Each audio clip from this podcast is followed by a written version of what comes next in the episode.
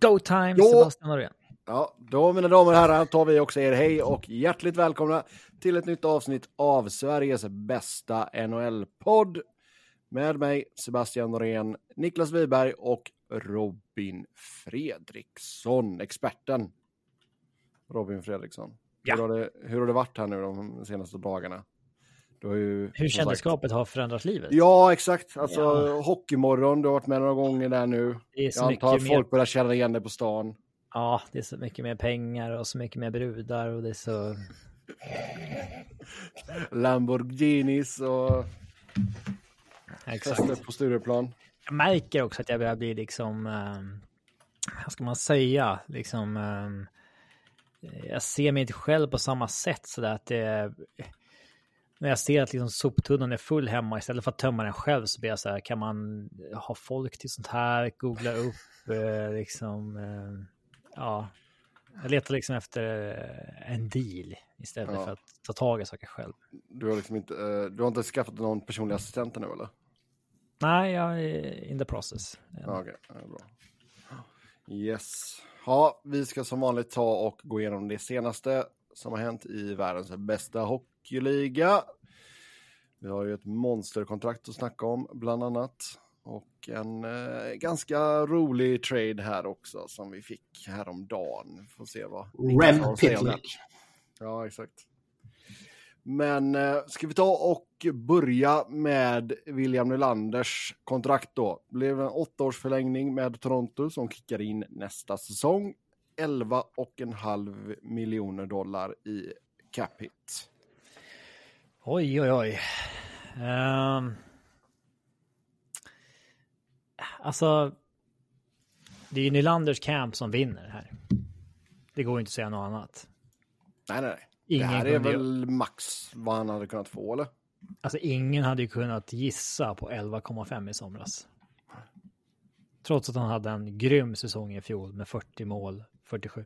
Men i grund och botten, det är ju ett av de största kontrakten för en winger vi har sett. Visst, man kan jämföra med Pasternaks kontrakt. spelare. Inte winger, bara spelare. Ja, men det sticker ju en, sticker ut ännu mer om vi tittar på liksom eh, att det är en ytterforward som får det här. Ja. Eh, inte en tvåvägsspelare heller, utan det är en liksom offensiv eh, specialist som också bara har varit över 80 poäng en gång i karriären. Så det är ju. Pasternak har ju ett mera gediget CV som fick sin 11,25. Så att, eh, och släng dessutom in en full no movement-klausul och signing bonus tung så att det är buyout proof. Så nej, det är hatten av rejält till eh, eh, Nylanders eh, camp. Ja, som sagt, du, du sa det. Väldigt mycket av detta är ju sign-on bonusar, speciellt i början och slutet. Så de två första åren så får han ju 10 miljoner per säsong i sign-on bonus. Sen blir det 11,5 och sen Ja. 10,5. 69 av de 92 miljonerna Ja. är sign bonusar. Nice. Nej. Nice. Det, det, de tror var, på det. det var medvetet. ja, det är det. Oh ja. Oh, ja. Let's make Oh, it ja. 69. ja. Nej, men alltså, även om han hade kommit ut på eh, liksom, öppna marknaden, det känns väl inte som att han hade fått mer än... Visst, han hade bara kunnat få sju år, men liksom, jag tror inte han hade fått... Han hade kanske kunnat fått 11,5 på sju år. Ja, men inte på åtta. Eh, det går ju inte. Um, ska man upp på samma pengar över sju år ska han ju upp en bit över 13 miljoner. Och det, det hade han inte fått nej. eh, någonstans. Så att... ehm, men alltså... Ny- Nylander har ju verkligen gjort sig förtjänt av ett stort kontrakt. Han har ju en monstersäsong. Liksom. Det är, jag tror att Toronto gick väl och väntade på att han skulle formdippa något, men det, det hände ju liksom aldrig. Eh, men nu gäller det ju, eller det gäller, nu bettar ju de på att han verkligen ska upprätthålla det här. Oh ja. Men Toronto har ju, de har ju hamnat lite snett när de, när de vek sig från början och gav Marner det där superkontraktet. Då visste man ju att oj, nästa kontrakt nu för Aston Matthews kommer ju bli brutalt och nästa för William kommer bli brutalt och alltså. De har inte lyckats sätta någon kultur där man tar mindre för att laget ska vara slagkraftigt. Nej, verkligen inte. Tvärtom. Och, liksom, och det, det är ju det som är grejen också, att nu kommer du be försöka behöva göra det med... Alltså du får ju locka med att ja, men du får spela med Matthews och du får spela med Nylander, du får spela med Marner. Du kommer, ja, halva. Men du, men du, får halva- ta, du får ta lite billigare liksom. Du, man får ju väga upp det med alla, alla andra nu då. Men liksom vad... Du har ju två, eller ett år kvar med Marner efter den här säsongen på 10,9. Du har ett Ja. år kvar med Tavares på 11.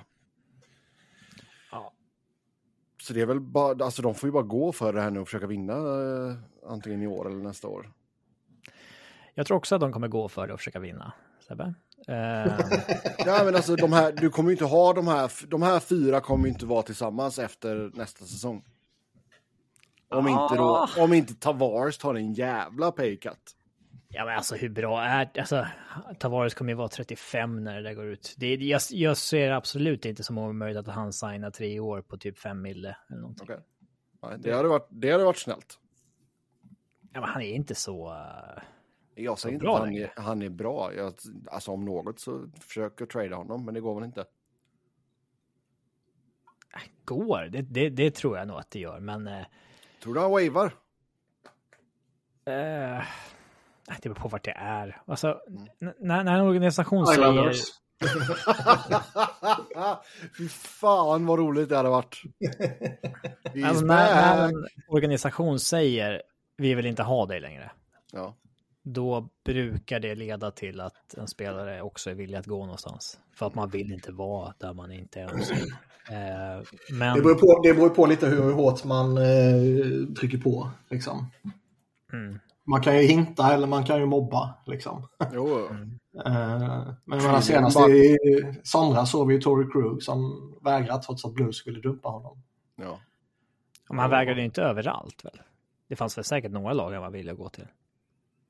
Jag kommer inte ihåg om det bara var Philadelphia eller om det var trade generellt. Men han hänvisade ju till liksom, nej men familjen rotade här, vi vill inte flytta. Och liksom, visst, flytta och, och gå för i kuppen någonstans eh, är ju annorlunda till än att i somras flytta till Philadelphia givetvis.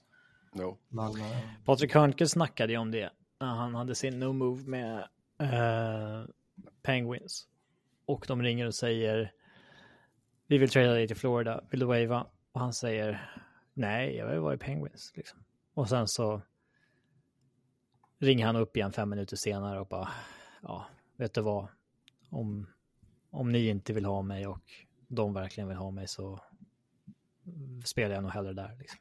Mm. Ehm, Sen kanske frun sa någonting om hmm, Florida. Men eh, ändå rätt kallt här uppe. Ja, exakt. ja alltså det, det är ju verkligen natt och dag att ta Pittsburgh mot, vad är det, Fort Lauderdale-området liksom. mm, Ja, visst. Herregud. Ehm, vilken jävla flyt han hade med sin karriär, Hörnqvist alltså. Det, det var liksom rätt plats, rätt tillfällen och det var, ja. ehm, Ja, alltså han har ju verkligen varit superuppskattad också i alla lagen han har varit.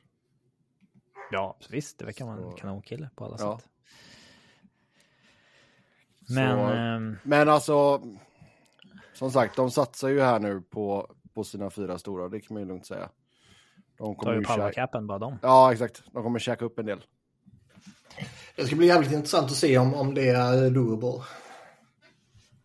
Eh, även om man räknar med att kappen kommer eh, öka mer och mer för varje år nu. Men det kommer fortfarande vara de som har mest uppkäkat i fyra spelare. Det är ju oundvikligt.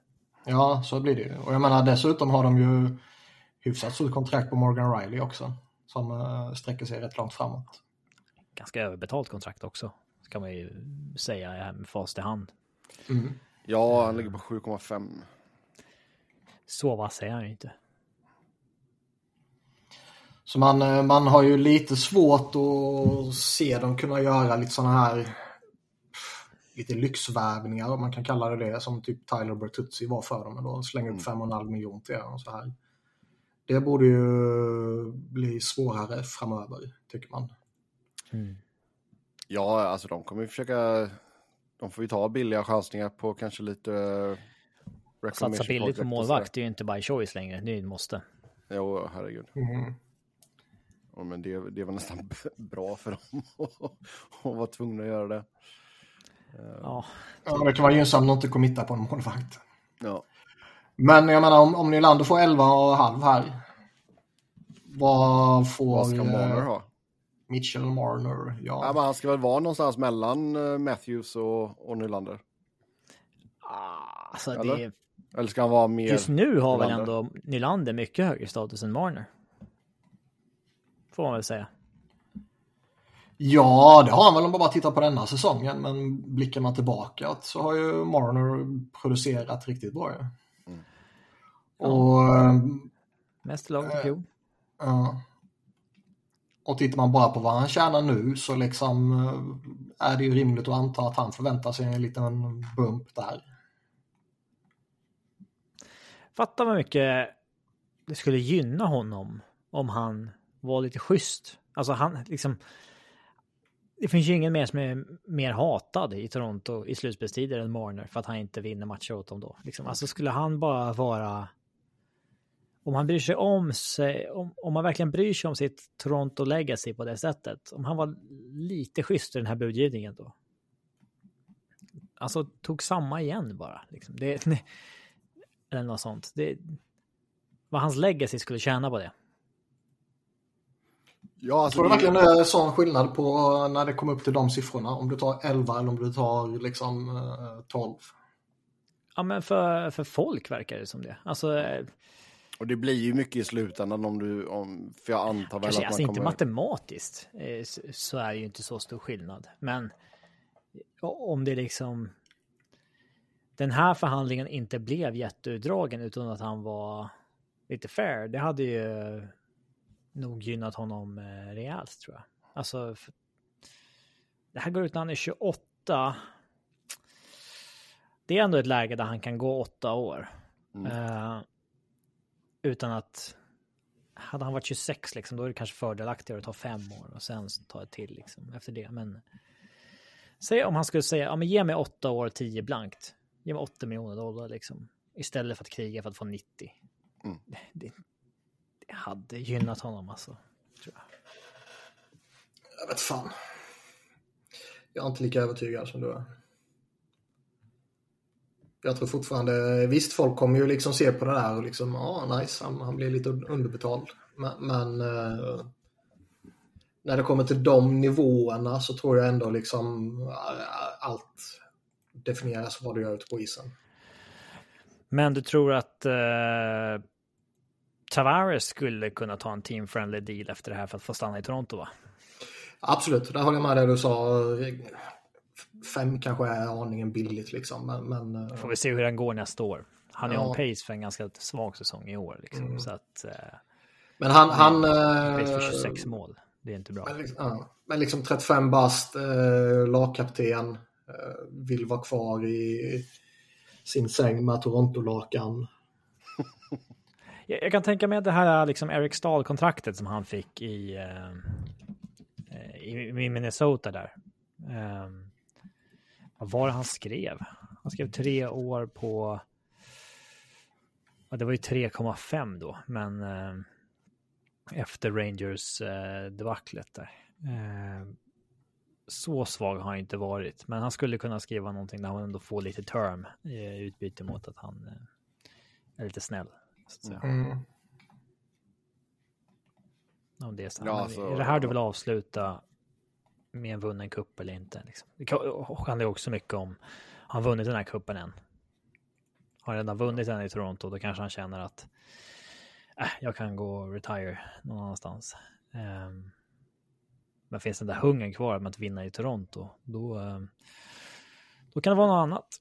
Ja, men då är, jag, då är han ju tvungen att gå... Han, han kommer ju vara tvungen att gå ner. Eh, ganska rejält ändå.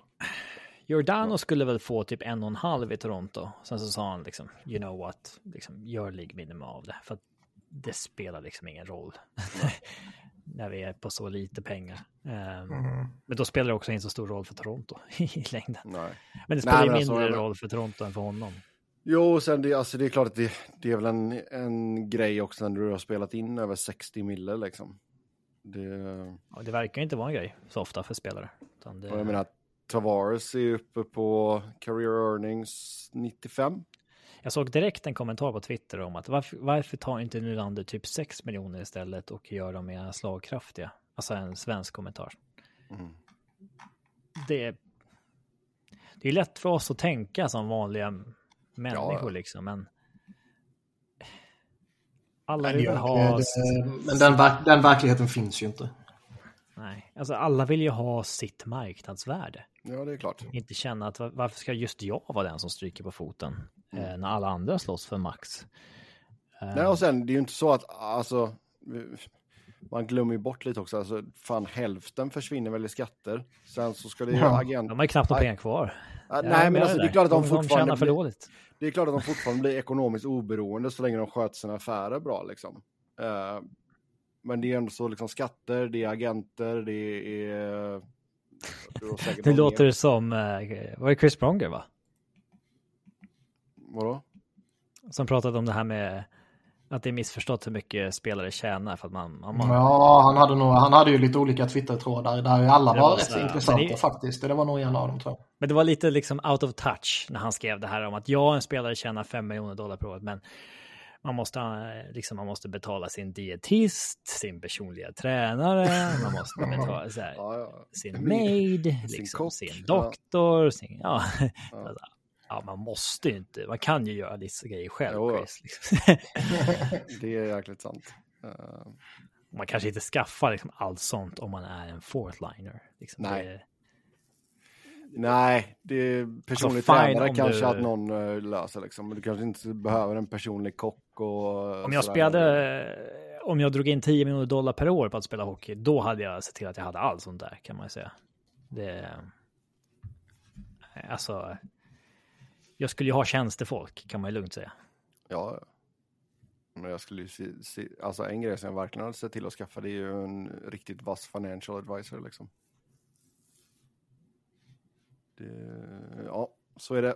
Men eh, vi kan nog bara drömma om att kunna inkassera 11,5 miljoner dollar per år som Nylander nu kommer göra.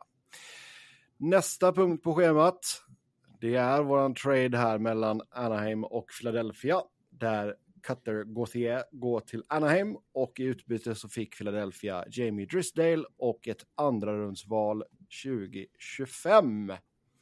Och eh, det blir mycket rubriker kring detta då efter att Philadelphia tydligen hade velat träffa Cutter under JVM. Han vill inte träffa dem och han vill inte spela för Philly och då löste man en trade till Anaheim. Det finns ju många lager i det här. Vad är det liksom man ska avhandla? Alltså jag vill ju bara ha Niklas. Eh, egentligen borde vi okay. spela in ska jag inte säga någonting då, efter uh, det blev klart liksom. Men vad tycker vi allmänt om att en spelare inte vill spela på ett ställe där han uh, är draftad? Alltså det är väl upp till honom egentligen. Alltså de har ju väldigt lite att säga till om. Jag, ty jag, tycker det, vi har ju pratat om det tidigare, att det är liksom lite konstigt att det inte är fler som gör så här. Liksom. Mm. Det är för att det är tabu. Eh, liksom. Alltså det, ja, men det, det är tabu och, och liksom um, man riskerar ju att få en fet stämpel i pannan. Liksom. Att man får en stämpel som problembarn eller diva eller... Eh, det är så här, så här gör och, man inte. Liksom. Nej, exakt. Utan man, man rättar in sig i ledet och kör på. Liksom. Det, det är ju den kulturen som... Ja, det, är, ja, det är den kulturen som finns. Och, och eh, jag kan ju tycka att spelare liksom uh, har rätt att, att säga ifrån att uh, nej, jag vill inte representera den klubben eller jag vill vara på östkusten eller jag vill vara i Kanada eller jag vill absolut inte vara i Kanada eller vad fan det nu kan vara. Jag vill flytta hem till Skellefteå. Som... Nej, men man, und man undrar ju lite dock vad det var som det som är helt, det, det som är, det, det, absolut sjukaste här är ju liksom att eh, när de ska drafta honom så är han ju supernöjd och, och blir draftad av Flyer. Så han snackar om att han var liksom born to be a flyer. Liksom, det, det, var ju lite, det raljerades ju lite när de, när de draftade honom att jaha nu plockar de den stora forwarden bara liksom när det finns andra eh, skickligare spelare runt omkring. Eh, Eh, femte valet liksom. Ja. Ja. Det var David Jiricek och allt vad det var liksom. Men, men äh, han var ju jättenöjd och han hintade ju ingenting om att han inte ville, liksom, det är ju chockerande många som inte kan sin historia överhuvudtaget och som jämför det här med Eric Lindros. Vilket är så inkompetent så det finns inte liksom. Där, där Lindros var... Han sa eh, innan, jag vill inte draftas av Quebec. När han draftas av Quebec ja. ändå så tar han inte på sig deras tröja. Ja, och eh, Quebec tradar honom sedan till både Philadelphia och New York Rangers. Där Ett kapitel i ja, Där eh, en arbitrator måste eh, liksom avgöra vem som har rätt till Eric Lindros. Det finns ett bra YouTube-klipp på. Alltså en, ja. Ja, alltså en liten ah, minidokumentär om det. Ja, absurd historia, men det ska vi inte gå in på nu. Det, Category när han draftades var liksom jätteglad. Och sen så har ju någonting hänt på vägen och det kan vi återkomma till sen. Men sen liksom nu så har han ju vägrat att överhuvudtaget kommunicera med Philadelphia. Alltså, det är ju barnsligt, det är oprofessionellt, det är liksom jävla diva-fasoner, det är... Alltså han personligen ja. eller hela hans camp? Hela, hela hans camp. Alltså han, han, har ju... För att liksom en... Eller, eller liksom hans agent, jag, jag kommer inte ihåg vem det var nu, men det var en av de här eh, hyfsat eh, en av de stora. namnkunniga. Liksom. Han, han, har ju, han har ju kommunicerat med Philadelphia i alla fall. Men, men det enda han har sagt är liksom att eh, nej, han kommer inte prata med er. Nej, men vi vill gärna liksom träffa honom och liksom försöka sälja in det här. Liksom, vi behöver ju prata med honom. Nej, han vill inte prata med er. Nej, men då måste vi veta varför han vill inte prata med Nej. Så du vet, det har ju varit så jävla barnsligt beteende så, så det är liksom eh, Det är ju varningsflaggor kring Cathy Gauthier med tanke på hur han har hanterat den här situationen, anser jag. Och med tanke på vilken jävla barnrumpa han har varit så är det ju rätt skönt att man inte har kvar det här problemet längre. För liksom, säg att man inte skulle tradeat honom och sen kommer man in i sommar och in i nästa säsong och så ska man försöka skohorna in honom i NHL och han är skitar ju jättemisslyckad och vägrar rapportera eventuellt och bla bla bla. Då blir det bara total kaos liksom. Det var ju så... läge att sell high på honom då också. Alltså efter JVM och sådär. Mm. Det var ju ja. Liksom. Uh... Och liksom det, visst, det blev ju lite snack om att Philadelphia åkte till Göteborg för med Danny Breer, Keith Jones och uh, Patrick Sharp för att träffa honom och han vägrade det liksom. Och det, det, skulle det varit en isolerad händelse, att det är det enda, då tycker inte jag att det skulle vara något att hänga upp sig på egentligen. För det är liksom ändå typ nästan standardförfarande att, att uh, spelare inte vill eller att landslagen till och med förbjuder dem att eh, ha sådana diskussioner under, under JVM. Liksom. Så om det skulle vara det enda som hade hänt och sen läcker det ut, det, det är ju liksom en axelryckning. Eh, men när det här bara är en fortsättning på liksom, tidigare, liksom John Leclerc, Flyer Legend och Patrick Sharp eh, en annan sorts Flyers legend. eh, jobbar ju som player development coaches liksom. Och de har ju varit i Boston för att snacka med honom och han vägrar prata med dem. Han skickar ut sin, sin college coach till att säga åt Leclerc och Sharp att liksom, nej, han vill inte prata med er. Liksom. Och det, det, det, är en sak och liksom, nej, jag vill bort. Eh, oavsett anledning. Det kan vara den eller den eller den anledningen. Jag, jag vill inte representera den här klubben. Liksom det är ju en sak. Och jo, fair enough, det kan finnas. Ja, då får man ändå göra det professionellt. Man får ändå liksom... Eh, man kanske kan ha en luddig anledning och man kanske bara går på någon liten känsla och sådär. Fair enough, men man måste ju kunna kommunicera med klubben. Liksom. Mm. Det här framstår ju som... Ja, det är ju något av det sjukaste man har varit med om ju. Ja. Jag, jag är dock förvånad att det inte är... Alltså, nu har vi inte sett det här i hockey så ofta. Men jag kan garantera att det är ganska vanligt att det sker med typ 19-åringar på arbetsmarknaden. Eh, alltså annars. Eh, att 19-åring eh, kanske inte ja, har liksom balls att säga upp sig. Utan mm. man bara sticker och sen så duckar man samtal och liksom. Mm. Alltså det, det händer titt som tätt för att 19-åringar är liksom inte vuxna. Men eh, mm. han har ju sina representatives här liksom. Eh, en, det, var, det var ju... Ja. Det var ju lite så i, i de tankarna som Philadelphia ändå resonerade när man först fick det. För, för liksom, tidslinjen är ju att han i samband med VM och säsongsavslutningen förra säsongen eh, kommunicerade till Philadelphia att liksom, nej, jag kommer inte signa mer. Tack och hej, jag vill bort. Jag kommer inte spela er. Eh, kommer, vad skulle jag säga? Nu tappar jag tråden. Tidslinjen efter VM var... Vad pratade vi om innan dess? jag sa ju att det, här, att det kan vara lite svårt att säga upp. Jo, ja, just det. Ja, just det. Nej, och, och då liksom resonerade Philadelphia typ liksom, ja det här är en ung, ung snubbe liksom. Han, eh, vi vet ju att liksom konsekvenstänk inte finns i unga personer oavsett om de är hockeyspelare eller vanliga människor. Um, ja, det är så jävla vanligt bland dem. Alltså så här. Jag, jag, nu blir vi lite så här gubbar som gnäller på dagens ungdom, men eh, jag har jobbat inom liksom leksaksbutik i, to- i åtta år och varje jul så anställer man extra personal. Och alltså det är kanske 30 personer som kallas på intervju i liksom 18, 19, 20 års åldern hälften av dem dyker inte upp sen på intervjun. Mm. Och hör liksom inte av sig. Alltså det är liksom, och jag tror inte att det är något nytt fenomen. Alltså så här, 18-åringar, 19-åringar har alltid betett sig lika. Nej, men det tror jag också. Det, vi, det är liksom, vår, vår generation var likadana när vi var i den åldern. Liksom. Ja, alltså det är... Man, man, alltså, Sak, sakerna vi har hört om sen liksom, liksom. bekräftar det. Ja.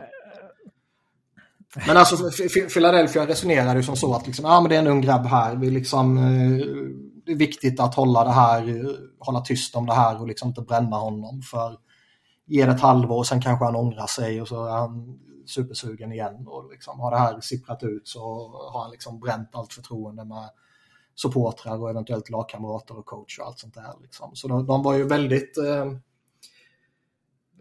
det har ju hintats lite liksom att eh, allting kanske inte står helt rätt till. Han har ju skippat ett development camp liksom. Och det var ju också lite sjukt för helt plötsligt bara så var ju Danny Breer liksom, ah, jag vet inte riktigt varför. Han har väl spelat mycket hockey typ liksom. Men han vill inte inställa sig.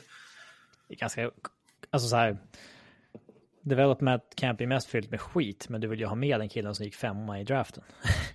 Ja, framförallt så liksom, ja, där borde man ju fattat att varningsflaggan är på väg att hissas. Liksom. Men det tänkte man ju bara liksom, ja han har ju lång säsong med Boston i college där och sen så VM på det. Liksom. Och, ja, men du vet vad jag menar. Och VM på det och det var JVM och liksom hela köret. Äh, men det, visst, han kanske behöver en sommar för att återhämta sig för att kunna gasa på. Liksom. Eh, men där borde man ju förstått att någonting inte stod rätt till med den här snubben.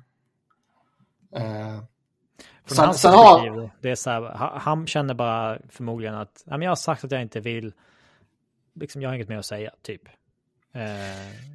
Ja, så är det väl. Men sen så är det ju som, som Elliot Friedman sa, liksom att när man är så här lullig om att, och det inte kommer fram någon anledning så kommer ju folk spekulera och gissa och eventuellt hitta på. Och det får man ju, då får man ta det liksom. Om du inte berättar vad det är så får du ju ta att folk kommer gissa och hitta på. Det, det är ju, så är det bara. Liksom. Var, det har kommit lite rapporter till höger och vänster om varför. Men det kanske inte är liksom mm bekräftade på den nivån att det har blivit tydligt att det är så. Liksom. Alltså... Nej, alltså det, det, den, den ledande teorin nu är väl att eh, Philadelphia under förra säsongens slutskede inte tyckte att man var i läge att signa honom till ett sånt stort rookie-kontrakt som en sån spelare förtjänar för att då skulle man gå över kappen och då skulle man få en, en sån här eh, eh bonusbestraffning den här säsongen. Och det var man inte riktigt läge att göra för att Chuck Fletcher hade ju fuckat upp trade deadline förra säsongen fullkomligt. Liksom. Eh, han fick ju inte iväg spelarna som han behövde skicka iväg. Så de kunde ju inte förbereda för det. Liksom. Sen kan man ju tycka att eh, man borde ju insett var man var och man borde kunna lösa det över sommaren så att man liksom inte ligger och slickar kappen. Liksom. Eh, men det är väl en annan diskussion. Men där, där hade man väl då hintat om liksom att nej, men vi, vi, vi är kanske inte riktigt i ett läge för att göra det nu och vi tycker att du ska gå tillbaka till eh, ett år till i collegehockeyn liksom. Och... Eh... Det är inte konstigt att man inte lyckas liksom...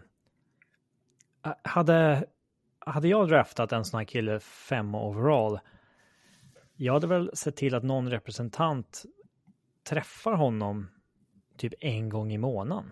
Alltså ända från draft. Alltså åker och tittar på hans matcher där, surrar lite med honom efter. Tja, hur går det? Vad tycker du? Känner alltså, mm. Att man verkligen bygger den här relationen med spelaren. Mm. Ja, ja, det kanske de har gjort. Jag har ingen aning. De kanske har haft scout där hela tiden. Liksom. Och sen skickar de ner John Leclerc och Patrick Sharp.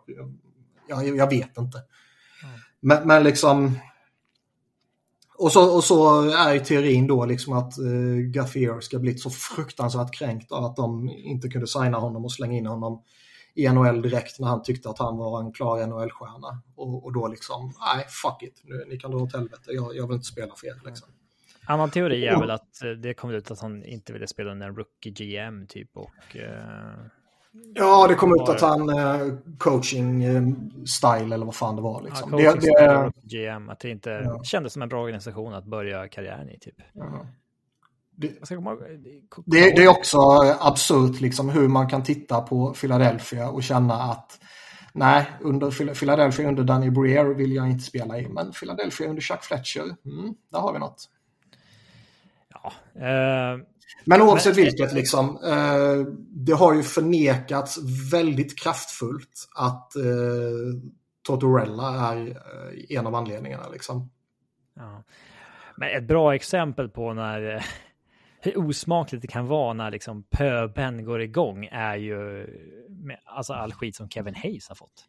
Mm. Vi kan vänta lite med det, för uh, om man ska stanna kvar lite vid det här med liksom att de inte ville eller kunde, hur man nu vill uh, ja. definiera det, signa honom. Så det säger ju jättemycket, den situationen säger ju jättemycket om alla parter. Det säger ju liksom jättemycket om vilken barnrumpa Gaffier är som blir fly förbannad för det, om det nu är det som anledningen. Liksom. Det säger jättemycket om vilken eh, total kaosorganisation som Philadelphia var under eh, Chuck Fletcher, hans sista tid innan han fick kicken. Liksom.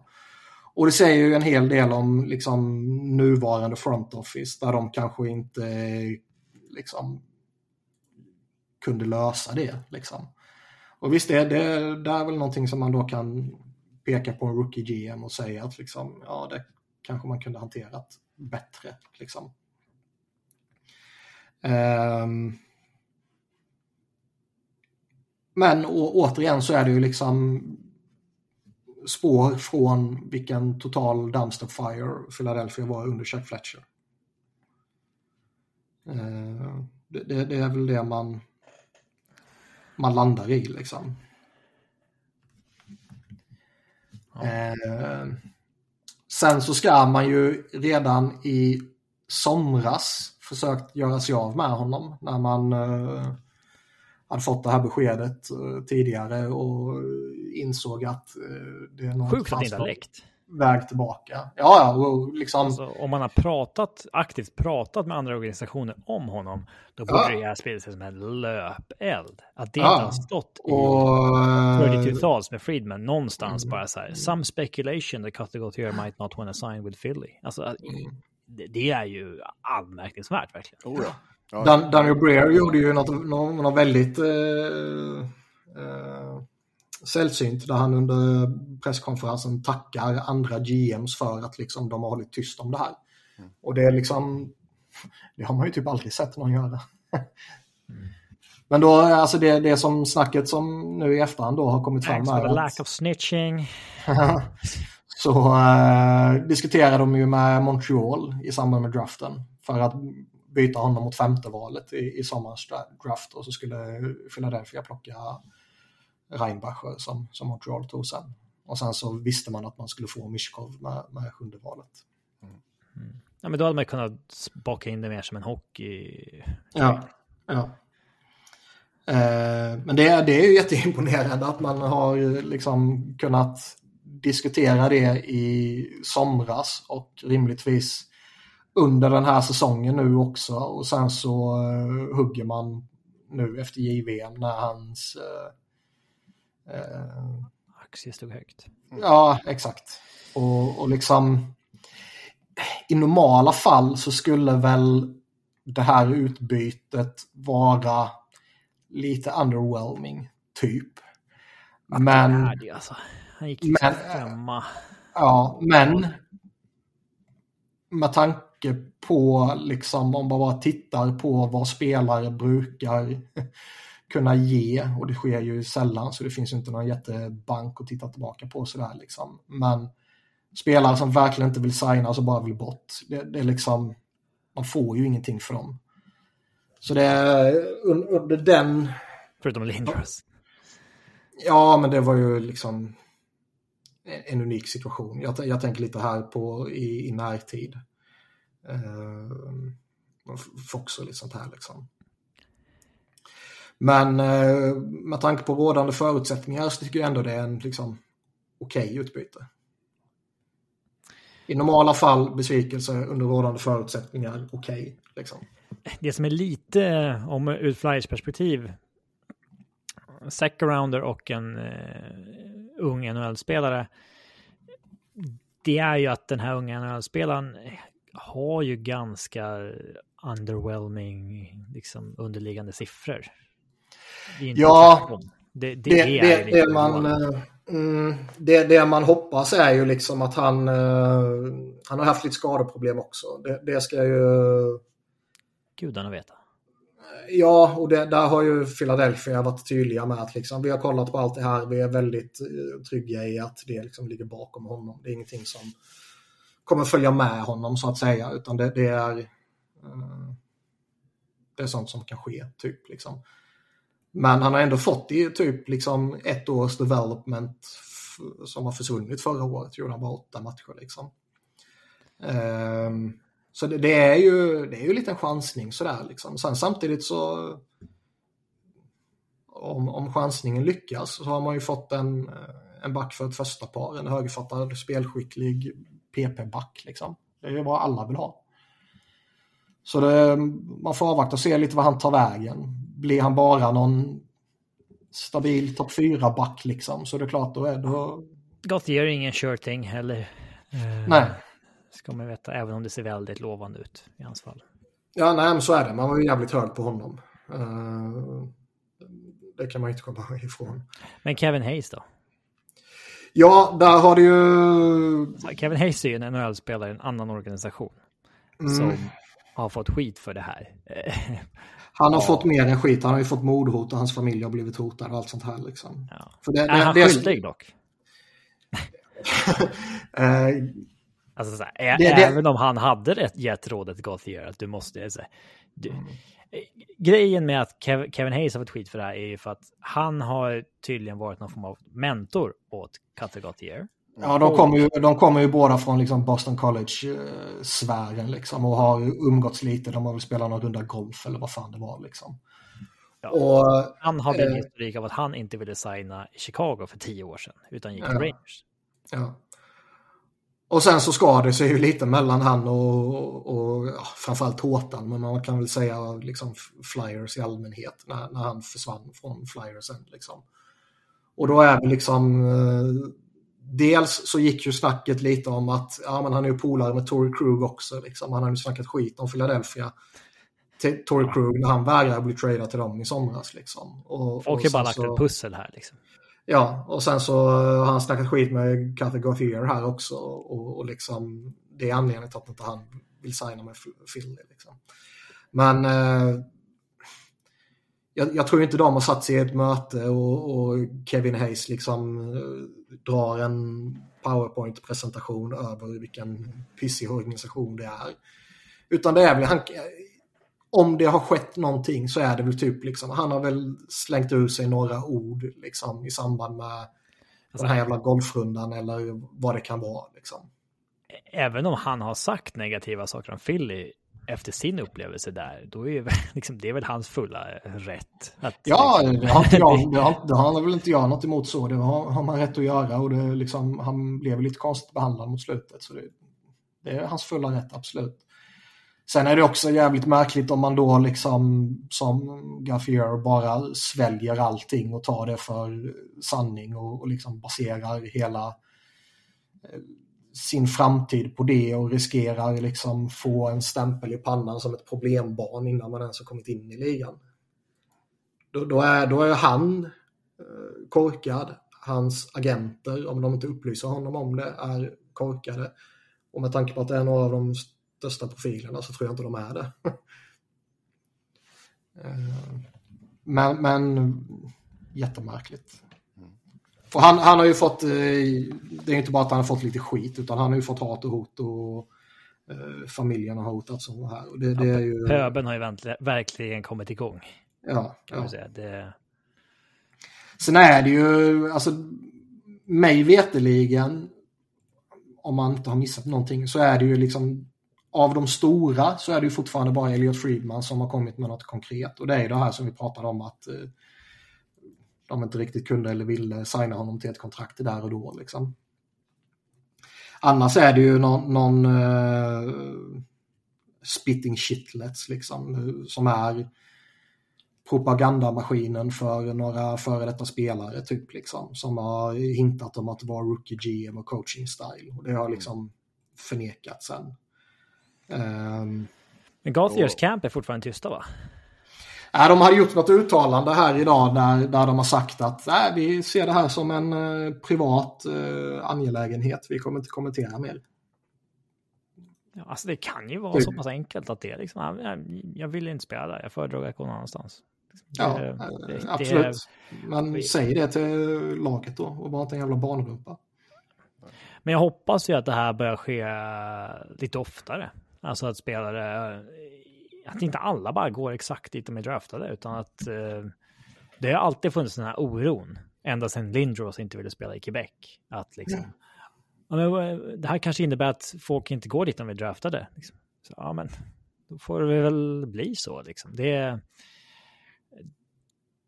lagen kan ju fortfarande trada rättigheterna till den spelaren då. Liksom. Det, det är inte precis som Philly här säger. Jag hoppas att, eh, för det är ändå liksom, så fort du sätter en kråka på entry level-kontraktet så har ju den organisationen dina rättigheter i liksom åtta säsonger eller vad det är. Mm. Det, det har ju ty tydligen, jag följer inte NBA överhuvudtaget, men man har lyssnat på lite andra poddar här nu kring, kring den här soppan liksom och så jämför de lite med hur utvecklingen i NBA har tagit sig de sista åren där det tydligen blir lite vanligare att sånt sker i NBA. Ingen aning hur mycket det ligger i det eller inte, men det var vad jag hörde. Liksom. Eh, så det är väl inte orimligt att anta att någon liknande utveckling mycket väl skulle kunna ske i de andra ligorna och NHL i det här fallet. Då. Nej. Vad, alltså, som sagt, det är ju ganska många lager av den här soppan. Vi har fått in lite lyssnarfrågor också. Ehm, det var ju någon som skickade en länk. Omöjligt att vi inte tog, svarade på dem i farten där. Ja, ah, men alltså det var, det var ju en här som skickade ett uh, videoklipp från Sean Avery, från någon, hans podd. Uh, där han uh, spydde lite galla över uh, Flyers, uh, framförallt över fansen. Av princip så kommer jag givetvis inte lyssna på vad Sean fucking jävla Avery har att säga han kallar Flyer-fansen för greasy... Vad var det nu? Det var greasy thugs eller någonting. ja, och det bär jag med ära. Greasy fucking savages. Ja, det bär jag med ära. Mm. Ja, alltså det, det borde inte vara... Uh, det här drevet kom ju liksom igång innan korten lades på bordet om hur eh, Gauthier eventuellt eh, hade agerat. Ja, det, det, kan man ju vara arg på. Det... det borde inte vara så kontroversiellt eh, att en spelare inte vill signa för en viss organisation. Som, Nej, och det, det, eh. tycker, det tycker inte jag heller. Det som är kontroversiellt är ju hur han uppträder. Ja, visst. Det, det kan man ju vara lack på, men jag tycker ju att eh, 99% det, det... av drevet var igång direkt när det kom ut att han... Ja, jo, men det, det är klart, det är, så, så kommer det ju funka. Det måste han ju fatta och hans rådgivare måste ju fatta det, annars är de ju totalt inkompetenta. Nu verkar det som att han är det, men hans agenter måste ju begripa och ha förberett honom på att du, det kommer bli livat nu. Mm. Och du gör, du gör det liksom inte mot eh, eh, något lite, ja, vad ska man ta, som inte har några supportrar. Man gör det inte mot Arizona där du liksom kan spela och allt kommer att vara chill, utan han kommer ju få hat mot sig varenda gång han kliver in i Philadelphia nu. Och något som gör mig väldigt glad som Flyers-supporter är ju att liksom hela organisationen och eh, liksom vad ska man säga, framträdande individer, GM och CEO och lite sånt här, har ju hanterat det här på ett publikt och öppet sätt liksom. Där tidigare med Chuck Fletcher så var det typ att man försökte gömma sig och man ville inte riktigt ta, ta något ansvar och, och man ville förneka allt och så här. Och här har man ju verkligen frontat upp och varit öppna och, och liksom jämför det med lite tidigare situationer under säsongen där vi, vi pratade om Shane Pinto liksom där man slänger ut 41 matchers avstängning på honom för, med någon halvluddig förklaring och ingen vet någonting. Liksom det finns säkert massa byråkratiska och, och eh, juridiska anledningar till varför man inte kunde göra det. Men det, man skapar ju ett vakuum som folk kommer spekulera och gissa. Liksom. Oh. Här har ju Flyers varit jättetydliga och, och liksom dessutom svingat rätt hårt mot Cathy Gauthier, vilket jag tycker är jävligt fint att se. Liksom, Många skulle tycka det är oproffsigt dock. Ja, men inte jag. Och jag bryr mig bara om vad jag tycker. Eh, Tortorella liksom, ah, jag ser inte skillnad på honom och ett hål i väggen. Eh, Flyers CEO liksom, ah, jag tycker synd om grabben. Eller nej, det gör jag förresten inte för han, jag kommer inte tycka synd om honom när han kommer tillbaka till Philadelphia. För våra supportrar kommer inte glömma den innebörden, inte exakt de orden. Mm. Eh, Danny Breer har ju varit rätt öppen och, och liksom nej, han vägrade prata med oss. Liksom. Det, han tog inte emot samtal, han uh, vägrade träffa oss. Det, det gick liksom inte, vi vet inte varför. Och, så han har ju, han, de har ju verkligen frontat upp det på, på ett sätt som uh, vad jag tycker Flyers-supportrarna borde vara tillfredsställda med. Och de enda som man borde vara intresserad av att tillfredsställa är givetvis sina egna supportrar. Mm. Ja, Yes, yes, yes. Hur uh, gillar du högersidan i försvaret nu när Dristel kommer in? Ja, där kan man ju spinna vidare på för nu har man ju direkt... Låt er signa i Anaheim. Ja, det kan vi ta sen. Men, vi, vi, uh, om man börjar med liksom Philadelphia, så han kommer ju gå in och lira med Travis Sunheim. Uh, och um, tårtan var ju, och det är också för övrigt en, en grej när vi pratar Jamie Drysdale, liksom att man eh, Philadelphia under Tortorella och Brad Shaw som är backcoachen har ju liksom fått Travis Sunheim till att spela karriärens bästa hockey och se ut som en riktigt fin back för ett första par. Man har fått Rasmus Ristolainen till att se ut som en ordentlig NHL-spelare. Man har fått Sean Walker till att ser ut som en riktigt bra topp 4-back. Man har liksom fått Nick Sealer till att vara en jävla topp 4-back. Cam York har uh, uh, fortsatt se intressant ut för framtiden tycker jag. Liksom. Så där har, där har man ju en förhoppning om att uh, de borde kunna få till något bra med en ny back också. Liksom. Mm. Men det är ju rimligt att anta nu att ytterligare någon back kommer behöva röra på sig. Man har Sandheim, Ristolainen, Walker, Drustel, York, Stahl, Sealer och Sam, Igor Samula nu. Och eh, Samula kan man inte skicka ner för då kommer man med all sannolikhet tappa honom på, på waivers ju. Och, eh, det är väl bara York som är waiver-exempt va? Ja, han kommer man inte skicka ner Han är för bra för det liksom. Ja. Anaheim Så... tog ju Gustav Lindström på Waivers nu för några timmar sedan som ersättare för Drysdale. Ja. Annars hade han nog gått igenom. Mm. Så eh, liksom, folk har ju redan börjat spekulera om Sean Walker. Kan, kan man liksom eh, förlänga med honom nu när man uh, fått in Drysdale här och man har Ristolainen signad på det kontraktet liksom? Kommer man behöva casha in på Sean Walker nu? Och Sean Walker, med tanke på hur jävla bra han har varit den här säsongen, tror jag man kan få ett riktigt bra utbyte för honom. Uh... Alltså det beror väl lite på vad du har för tidslinje kanske. Alltså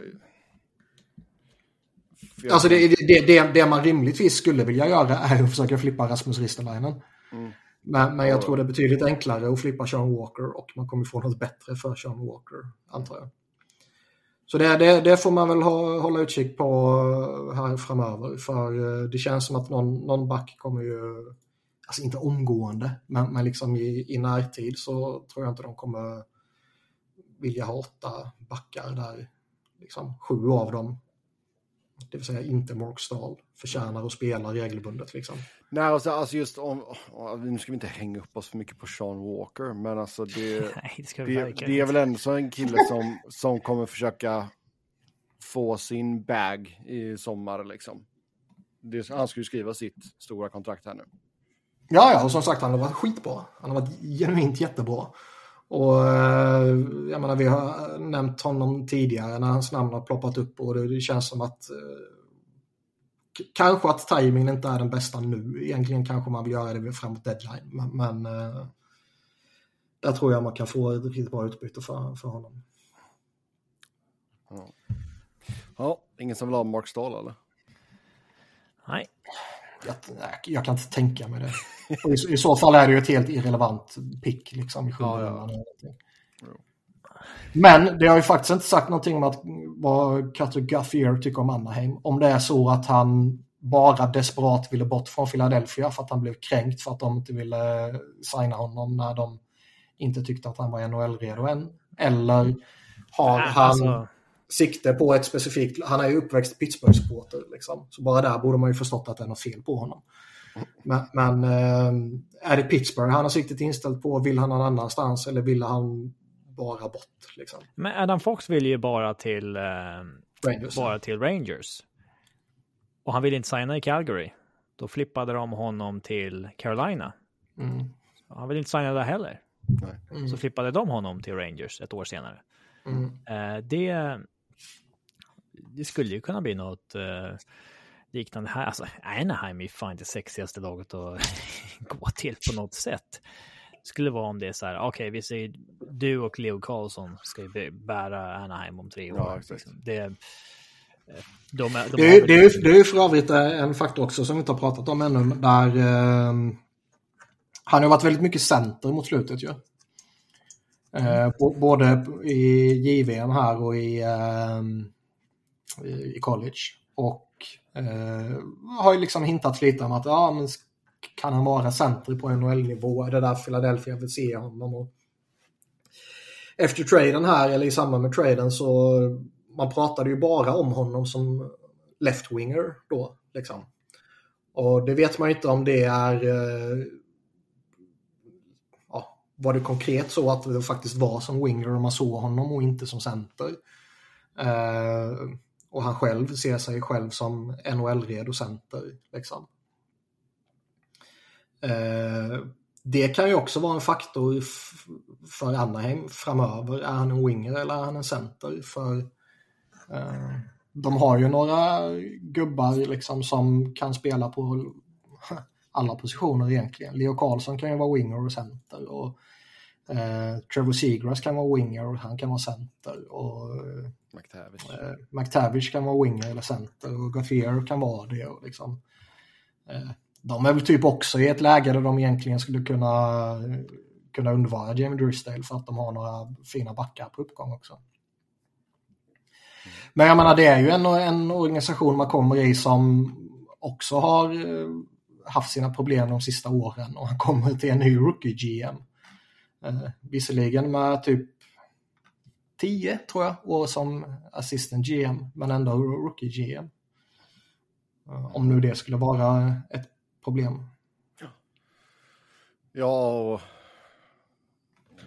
som sagt nu verkar inte Tortorella varit ett problem men du har ju en betydligt färskare tränare också i Cronin. Jo.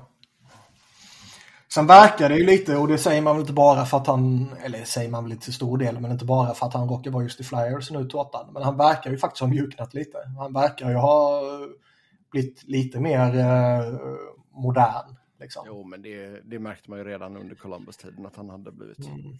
Sen får han ju fortfarande sina, sina ryck och ska bänka någon. Liksom. Det, jo, jo. Men det är fortfarande lite charmigt när det inte är ens egna lag. ja. Ja, men det är väl hans. Han pratar mycket om accountability och sådär. Ja, uh... ha, uh, har vi något mer kring detta vi vill säga? Alltså det har ju satt igång lite i Anaheim. Det är ju trade-rykten om Seagrass direkt efter. Mm, det är nästa punkt på schemat här. Spekulationer mm. om att Trevor Seagrass är tillgänglig.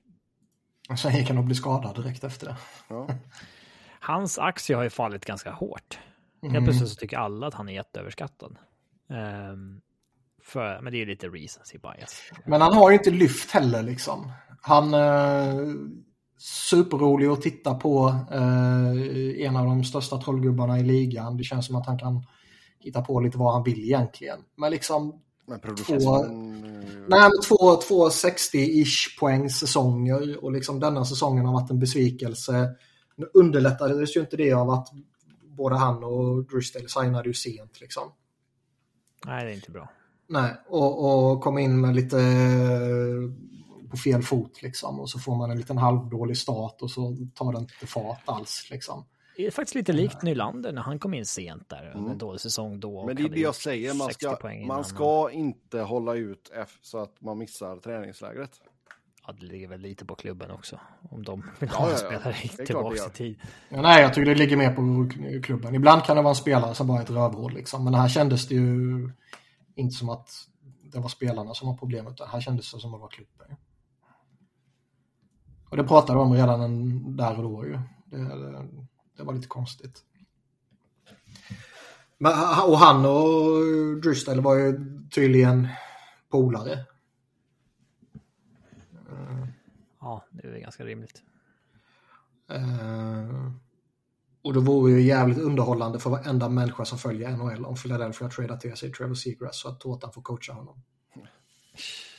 Gud. Ja, det är inte en fit kanske. Nej, det är det inte. Det är nog inte.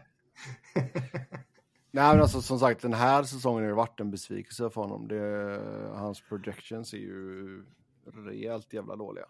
Sen kan mm. ju alltid ändras såklart, men jag kan väl köpa ifall det går igång lite spekulationer kanske. Samtidigt så kommer han ju fortfarande vara i rätt ålder när dags ska växla upp liksom. Ja, ja. Det, nej, det är inte så att man måste kränga honom för att han inte passar deras tidslinje. Utan eh, det är väl i så fall eh, alltså det, både Seagrass och, och Drysdale draftades väl av Bob Murray. Som för övrigt är i Philadelphia nu som typ senior advisor eller vad han är. Så han hade väl lite med den här traden att göra. Men uh, det kan ju vara att det liksom kom in en ny GM som vill liksom sätta sitt lag och Bristol och Seagrass är inte hans gubbar så att säga. Mm. Eh, så nu får man se, jag, jag, vet inte om det har kommit ut något hur länge han blir borta. Om det bara är lite eh, några matcher eller om det blir längre tid. Men eh, det ska vara jävla intressant att se vad, vad han kostar i en trade. Ja, han är ju under kontrakt under två år till här, 5,75 miljoner. Och jag menar, är det någon gång man ska hugga honom så borde det rimligtvis vara nu när hans värde borde vara liksom... Så lågt det bara går. Ja. Ja, um... ja verkligen. Ja. Så liksom så står man där som Philadelphia gör nu till exempel och, och letar efter en, en framtida första center. Då vet jag inte riktigt om det är han jag skulle hugga. Liksom. Det är ju mer rimligt för den Men, som letar en andra center. Typ en Colorado. Ja, ja exakt. På tal om skador eh, så får vi väl ta det att Conor Bedard förväntas bli borta 6 till 8 veckor här nu efter att ha eh, brutit käken. Har ni sett hur osexigt det där uh, Chicago-laget ser ut? Eh, ja. Alltså, man har sett line-upen flyga runt. Ja, det är, det, är, det är andra som de har borta också liksom. Och det, ja, det måste vara... Ja, det, det är... Det, Du det måste vara det första sämsta hockeylaget som någonsin har Ja, funnits. ge mig en första kedja här nu med Och givetvis gick de och vann också. Ja. Rem Pitlick, Filip Kurashev, Taylor Radish i din första kedja. Mm. Andra kedjan har du Colin Blackwell, Jason Dickinson och Joey Anderson. Då är det Ja, inte ens den Anderson. De Nej. blandar ihop med Josh i... Mm. Ja, ja herregud. Att Ryan Donato är fjärde linare i detta laget, det säger väl en hel del också om honom. Jag tror att de där linerna spelar ungefär lika mycket allihop. Ja. Det är ingen som driver det. det är ju... Nej, backsidan ser ju inte jättesexig ut heller direkt. Men eh, ja, 68 veckor. Nej, men det är liksom ändå Bedard borta och, och Foligno borta och Tyler Johnson borta, Taylor Hall borta, Boulier borta, Greken borta, Seth Jones borta. Alltså det är ju alla, alla etablerade spelare typ. Mm. Ja, Chicago kommer nog ha goda chanser att få eh, topp tre-val även kommande draft. Eh, men i detta, vi ser att han är borta då 68 veckor. Är det en tillräckligt lång tid, tycker ni, för att eh, han inte ska kunna vinna eh, Calder. Calder? Ja. Fy fan vad tråkig diskussion. Ja. det... Ah. Jag tycker inte det, men det brukar ju vara så. Det, När, känns, det eh, känns ju som att Ro- Rossi eller Fantilli kan, kan gå om honom liksom. Eh, Finns det inget annat att rösta på så kan det ju såklart bli honom ändå. Men det brukar ju vara tillräckligt för att inte vinna. Conor McDavid eh, torskade ju den när han missade typ en halv säsong. Mm. Men Brandon Manning skadade honom. Eh, Men vann då? Manning. Nej. jag kommer inte ihåg eh, vad fan det var. 15-16 var det eh, Panarin. Ja, okej. Ja, det var ju då han blåste Ghost på det.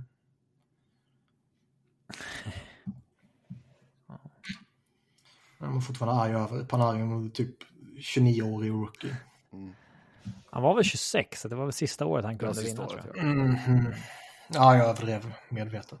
De sänkte ju den när Mac- Sergej Makarov kom in och vann. Han var typ 32 eller något. Ja, han var 20, ja, 29 eller 30. Ja, något så här. Då sänkte de ju regeln. Um, kanske Jag menar, jag, jag, jag tror... Eh, Men egentligen, alltså ska man ha en åldersgräns? Fan, är det din första säsong så är du rookie liksom. jävla skillnad att vara rookie som 19-åring eller bara det som 29-åring. Ja, Jo, det förstår du också. ja men det är, klart, det är klart att det är, men alltså rent tekniskt sett så är det ju din första säsong liksom. Ja. Men, men. Ja, vi får väl se där ifall Bedard, alltså samtidigt känns det som att det har skrivit så jäkla mycket om Bedard och han är så jäkla hypad och visst, han har gjort det bra. Ja, I det är väl alltså, några, det är några andra det som har fått... Mm, det är väl några andra som har fått några rubriker här och där liksom. Eh, Men det känns inte som att det är någon som har varit i närheten av all uppmärksamhet som Conor Bedard har fått. Och då har han ändå inte liksom varit överjävlig. Eh, liksom folk kommer ju springa förbi honom antagligen i rookie-poängligan. Men det, alltså på så sätt så hjälper det väl att, i alla fall i nuläget då, att huvudkonkurrenterna, Rossi spelar i Minnesota och Fantilli spelar i Columbus. Brock Faber är väl en huvudkonkurrent också. Ja, Där börjar hypen dra igång utav helvete. Brock Fraber, man vet inte vad Luke Hughes hittar på också. Bara på hans namn liksom. no.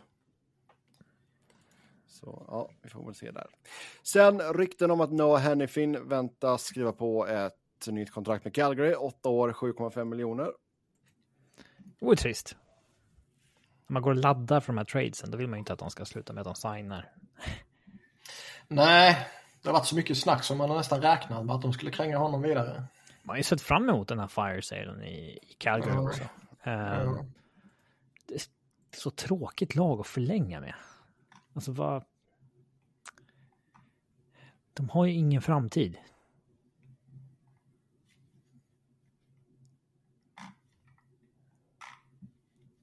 Nej, det, de har väl en ganska hög medelålder. Men det är... Vad lågt det du är. Va? Hallå?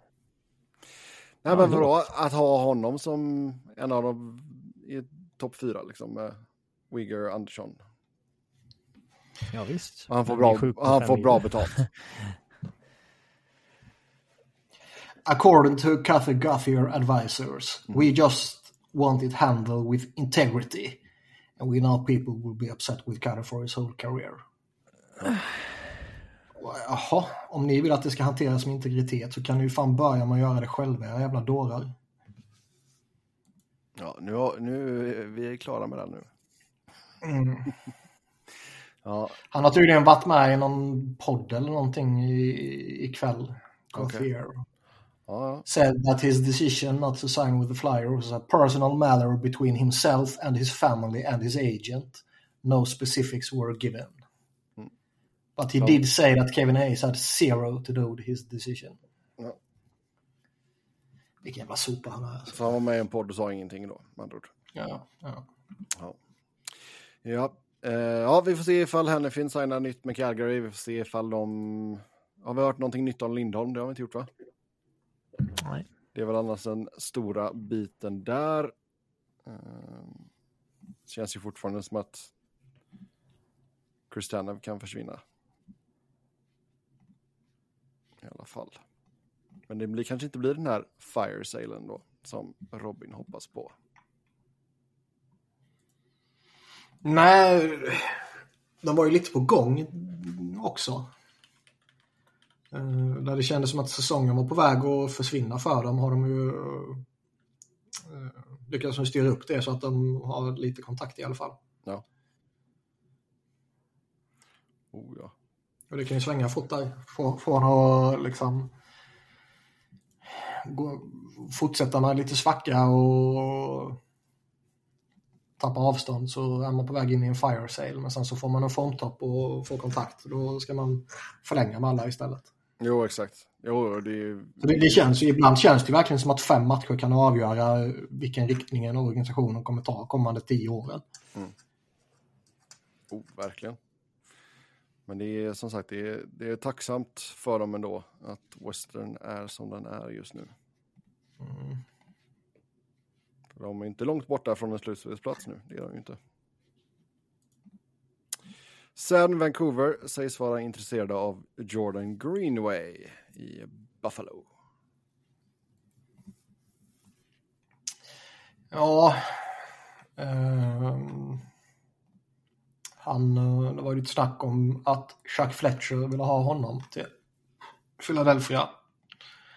Eh, det är ju inte någon som jag skulle betala för att ta in. Liksom, kan, man, kan man få honom billigt som eller hyfsat billigt som free agent så kanske det är en spelare, eller kanske, så är det ju en spelare som kommer kunna fylla en funktion för dig. Men Men han är ju inte, tyvärr får jag väl säga, jag tycker inte så han var cool när han kom fram. Eh, Han var jävligt intressant när han kom fram och uh, något JVM där man fastnade för honom och så här. Men, Ja. men jag menar, han har inte levt upp till den hypen. nej, det har han inte. Men han har ett år kvar den här säsongen på tre miljoner. Ja, ja. Men liksom nu, jag skulle ju inte ge upp assets för att trada för honom. Nej. Jag skulle inte göra. Mm. Men vi får väl se där vad man vill göra i Vancouver. För jag menar, är du Buffalo så tar du väl det du kan få, mer eller mindre. Ja, det, det borde man ju göra. De, eh, det är bara för dem att börja sälja av det som går att sälja av. Och påbörja sin femte rebuild eller vad det är. Ta nya tag. Ett omtag igen. Ja, Ja. yes. Eh, sen i JVM, USA vann ju, slog Sverige i finalen. Det blev grinigt på slutet. Så grin blev det väl inte. Lite grinigt blev det. Sebbe, du som är amerikan. Ja. Så Ja, fort Sverige torskar en final så blossar ju alltid den här debatten upp på Twitter. Det är för att vi inte tillåts tävla i Sverige. Det är för att vi inte har rätt mentalitet i Sverige. Det är för att vi curlar våra barn i Sverige. Det är för att eh, vi inte tillåter spelare att tacklas tidigare. Och, trots att Sverige tillåter tacklingar före Kanadas barn till exempel. Men det, det verkar inte så faktakollat bland folk. Men. Tror du att det ligger i det? Den mentaliteten du har nu lärt dig i USA, är den crucial i att slå ett land med 10 miljoner invånare i samma sport. Ja, alltså det är amerikanska barn, man skickar ut dem med en hagelbössa och så säger man nu kommer du tillbaka när du har dödat någonting. Uh, det är som i, i Sparta förr i ja, tiden. exakt, exakt. Du, du, du går och skjuter ett rådjur och så kommer du hem. Skjuter du inte ett rådjur då kommer du inte hem. Nej. Det... Stackars Stella. Ja, exakt. Har hon det i sig eller? Nej, hon är fortfarande nej, ute. För fan. hon är fortfarande ute. Får se. Ja, exakt, exakt.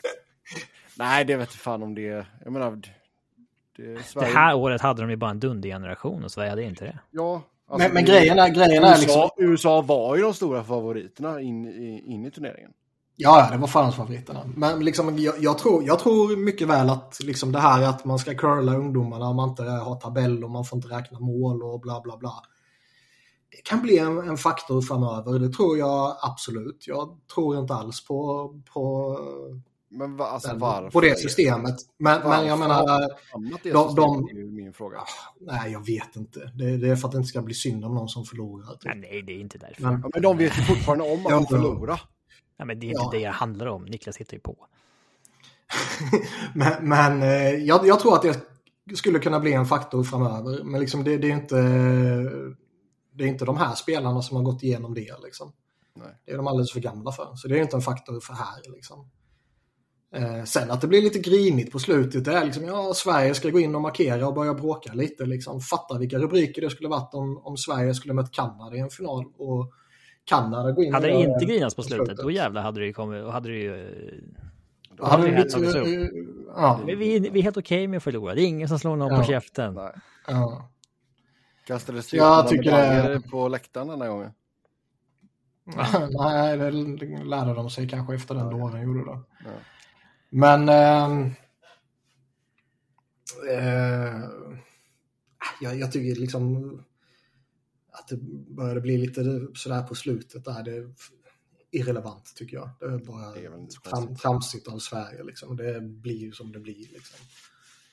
Det var ju klasskillnad i finalen tycker jag. Jag tycker Sverige... Sverige står ju upp och så pass bra att det ändå blir en jämn match. Men när ja. du inte får en topprestation av Hugo Hävelid i just den matchen, då, då är det ju kört. Mm, mm. Jag, jag, tycker väl också att eh, eh, man märkte väl lite att de kunde nöta ner Sverige på något sätt. Liksom. Uh, är väl hur man skulle kunna beskriva det. Mm. Sen så uh, Noah Östlund var ju liksom svinbra. Men man skulle ju behövt att han klev fram i finalen och, och, och liksom producerade på ett annat sätt. Han skapade några lägen och han eh, hade några möjligheter. Han eh, slarvade bort lite och han hade kanske lite oflyt liksom. Men annars tittar man bara på Sveriges lag så är det väl han som i alla fall för mig liksom, var mest i ögonfallande tillsammans med Lekkerimäki då givetvis. Ja, jag tycker väl Sandin eh, Pellikas är ju lovande på backsidan. Han är ju dessutom ung nog att vara med nästa år igen. Eh, mm. Så att, eh, men det, du måste ju ha två bra generationer när du ska gå upp i VM alltid. Nu hade ju Sverige en bra 04-05 generation, men ingen målvakt mm. uh, i den kategorin. Men, um, sen hade man behövt kanske att Liam Ögren som lagkapten var lite, det här är hans tredje JVM och first rounder, då, då ska man faktiskt göra ett mål i turneringen tycker jag. mm, ja, ja, ja. Två assist på sju matcher räcker ju inte. De behövde en till topp forward liksom som ägde mm. lite. Mm. Uh,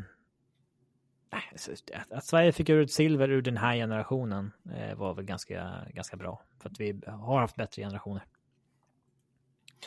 Ja, och uh, första finalen på rätt många år nu, det, det är väl också ett, ett, steg i rätt riktning liksom. Uh, sen fortsätter man ju att förlora de viktigaste matcherna. Ja, det, är, det är ju det är inte bra att Sverige har bara vunnit en gång de här liksom 15 åren när man faktiskt har varit slagkraftiga sen man fick ordning på juniorverksamheten igen i Sverige. Nej, det säger eh, någonting om någonting.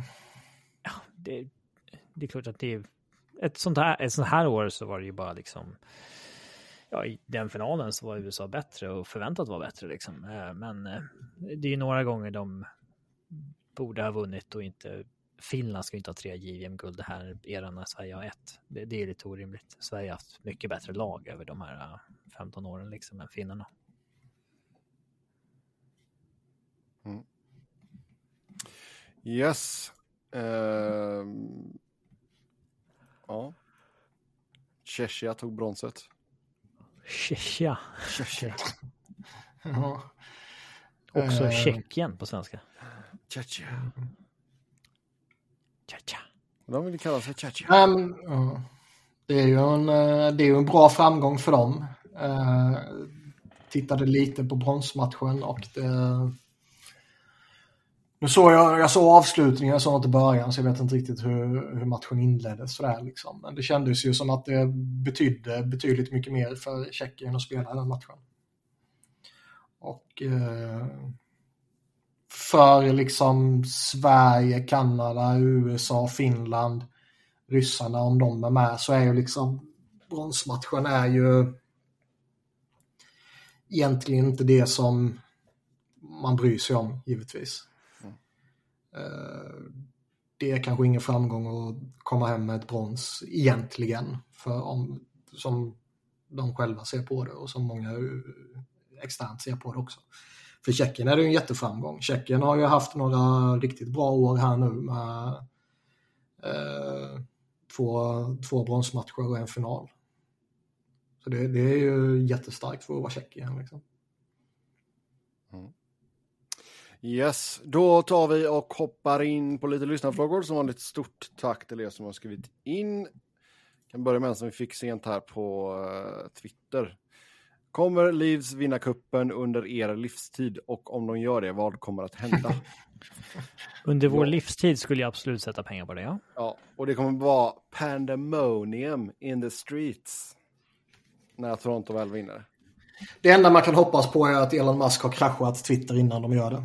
Det kommer att brännas bilar alla Vancouver fast i glädje. mm.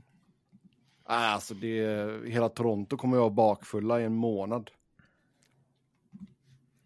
Alltså man, eh, när de gick in i den här eran så eh, skulle man ju kunna betta på att de under den här eran med Matthews och, och, och det gänget liksom skulle skulle vinna i alla fall en kupp. Och det bör man väl fortfarande kunna göra liksom. Uh, det, det bör de kunna lösa, tycker jag. Mm. Görs. Ja, sen... Men det är jävligt viktigt att de inte gör det, för det är ju ett av få lag som har gått längre utan att vinna än Philadelphia.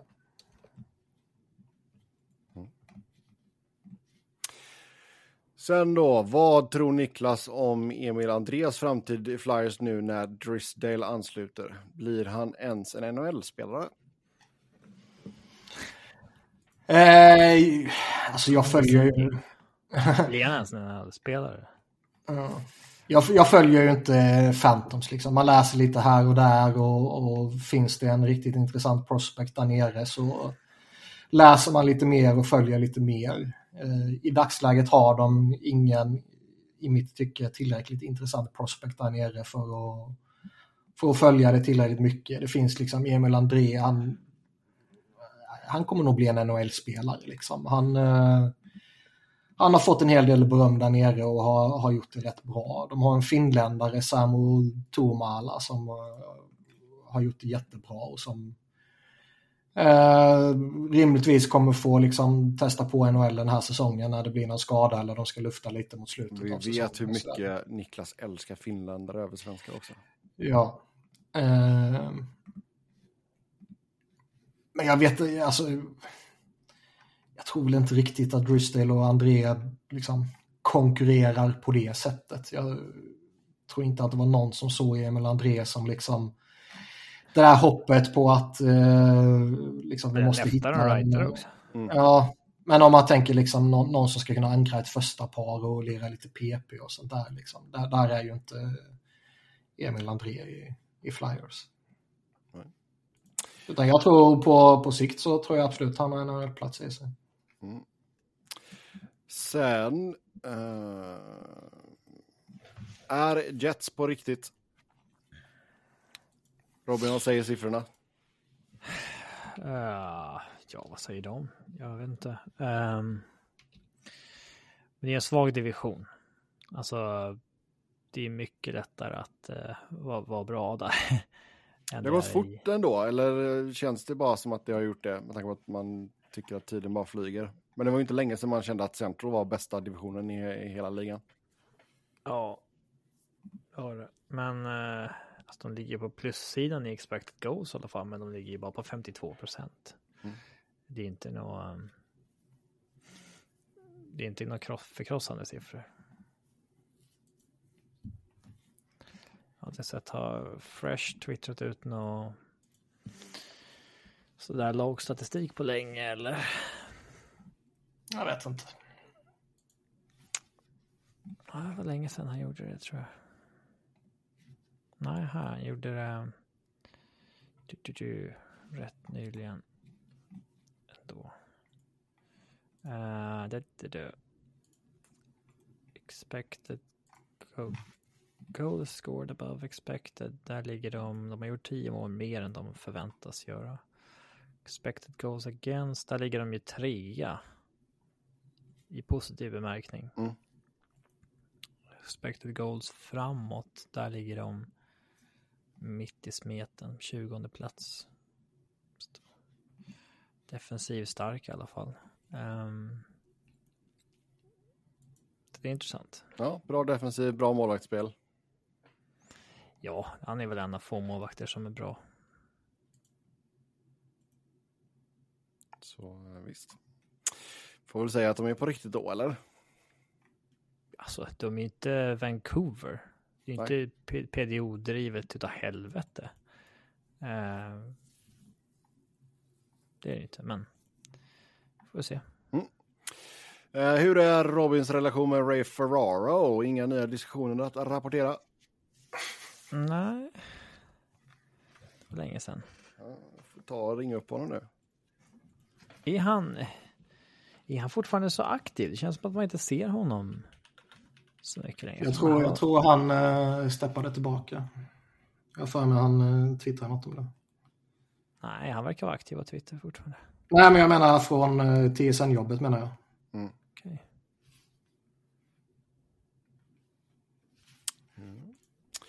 Jag såg siffror på hur många matcher McDavid behöver för varje hundrade poäng han gör. Sanslöst tempo. Hur nära Gretzky tror ni han kan nå? Han är till exempel långt före Crosbys poängskörd vid samma ålder och har ett klart högre snitt också. Inte för att försvara Crosby, men det, var ju, det är en jättegrej att han missade ett och ett halvt år mitt i sin prime. Mm. Alltså när vi snackar om att dra ihop en total siffra som närmar sig Gretzky. Um, men nej, det kommer inte gå för Conor McDavid att närma sig, äh, komma nära Gretzky, tyvärr. Nej, det ska nog mycket till. Alltså du måste ju snitta 20 säsonger med 200 poäng eller någonting. Ja. Eller? Nej, du måste snitta... Nej. Uh, det gjorde ju inte han heller. uh, nej, exakt. Men han gjorde väl lite fler än 20, va? Se. Borde man räkna på det här lite mer seriöst? Hur många säsonger gjorde Gretzky? Ja, uh, let's see. NHL. Men han har gjort eh, 900 poäng nu. Han behöver 2000 till. Han gjorde väl 20, gjorde han 20 NHL-säsonger Gretzky? Han gjorde 20, ja. Okay. 1500 matcher ungefär och 2857 liksom. Okej, okay, så då snittar han 130 poäng ungefär? Mm. Han har 2000 poäng. 143 till, per säsong.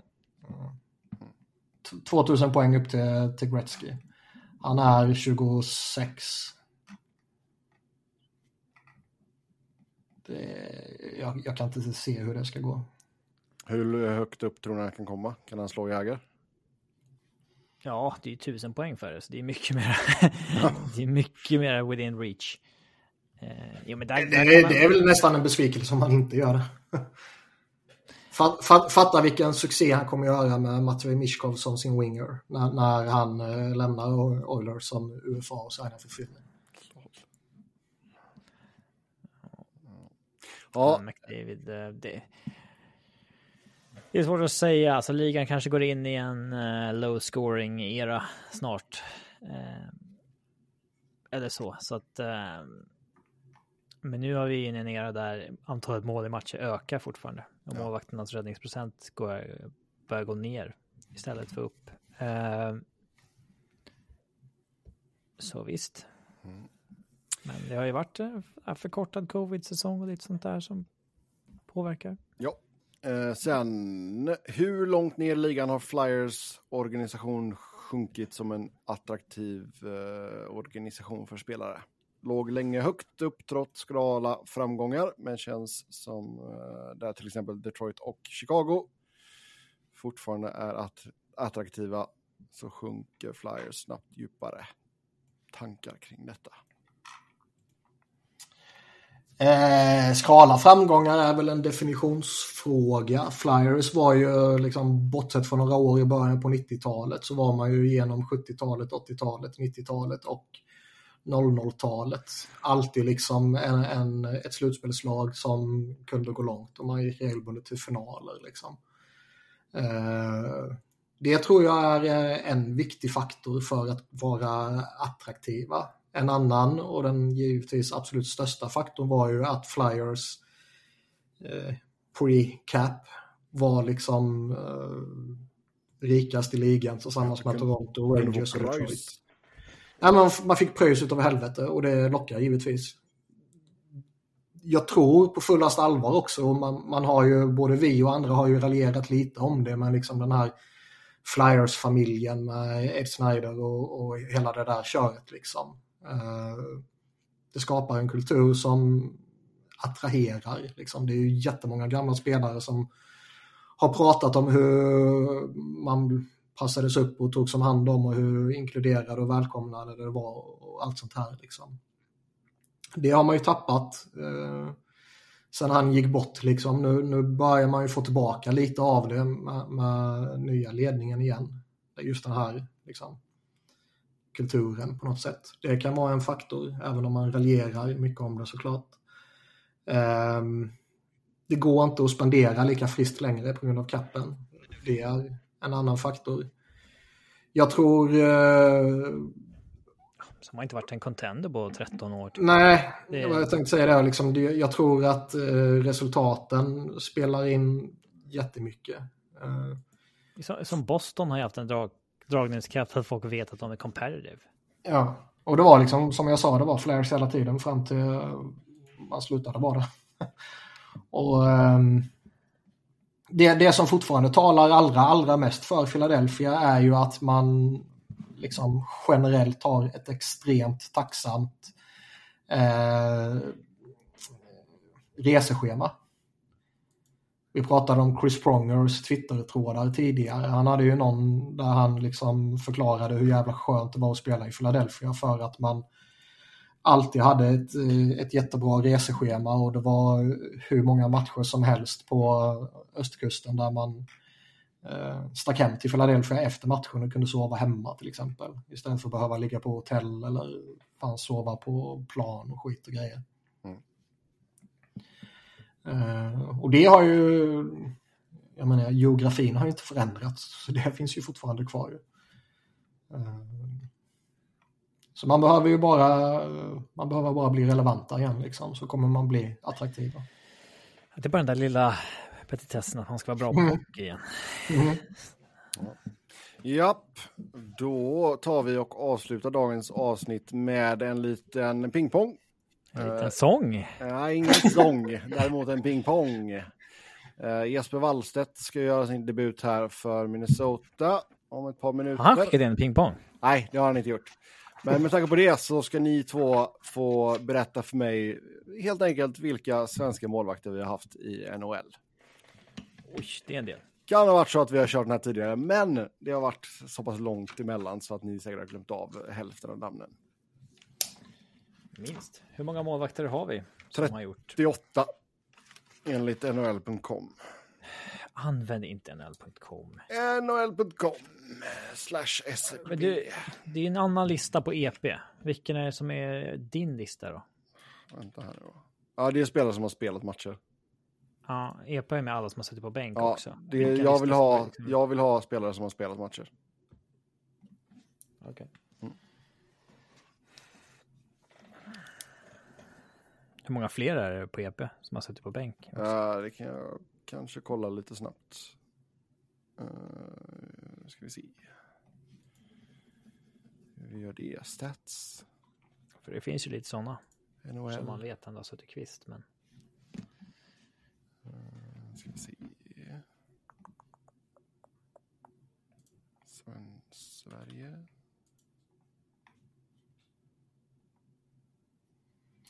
It's tough to talk about, säger Kathy Gaffier. Ja, du kunde inte ens prata om det med laget som du tillhörde, jävla sopa. Eh, det är bra att du inte hänger upp det på detta. Eh, jag säger, fan, vart ser jag det här nu då? Jag vet inte, eh, Robin, jag hittar inte det. Men nu kör vi målvakter som har spelat. De har varit på is. Eh, Niklas börjar, är äldst. Eh, Tommy Salo. Ja. Ska att Ja. Niklas alltid ska ha den här fördelen. ja. Han, Ja, du eh, får vänta till du blir äldre än vad jag är. Tommy Salo, han är tvåa på listan över flest spelade matcher bland svenska målvakter. Han gjorde 526 framträdanden. Lundqvist. Ja, han är etta, 887. Eh, givetvis ingen man kommer börja med. För den är så svår. Ja. Den sitter man och suger på. eh, Johan Hedberg. Mm, Johan Hedberg, jag tänkte också på Hedberg. fyra på listan, 373 matcher gjorde han. Eh, Lener. Mm, femma, 364 matcher. Eh, vad har vi mer? Ullmark. Ullmark, sexa på listan, 228 matcher har han gjort. Markström. Markström är trea, 461 matcher.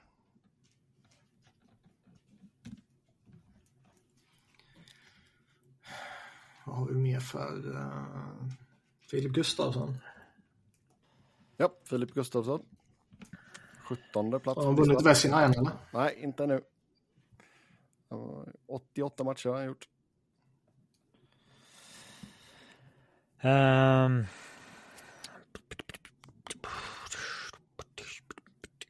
Hmm.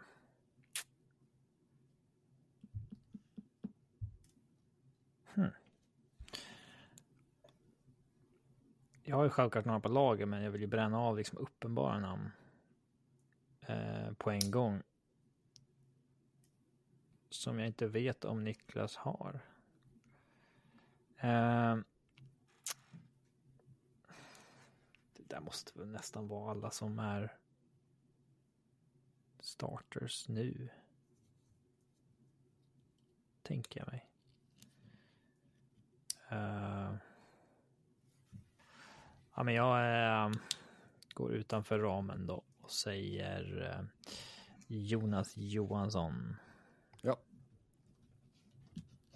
20 plats, 56 matcher. På 20 plats.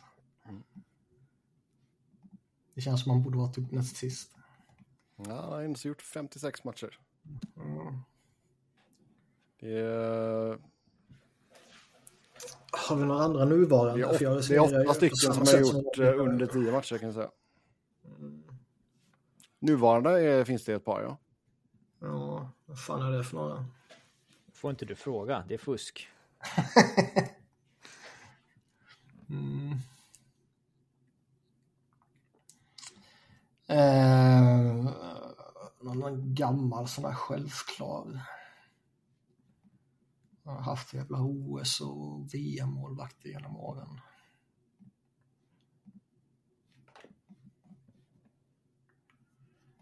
Att det ska ta så här lång tid, det är ja, förvånande. Nej, jag har, jag har ju flera på rad. Ja, men men jag, ta dem då. Nej, man vill ju...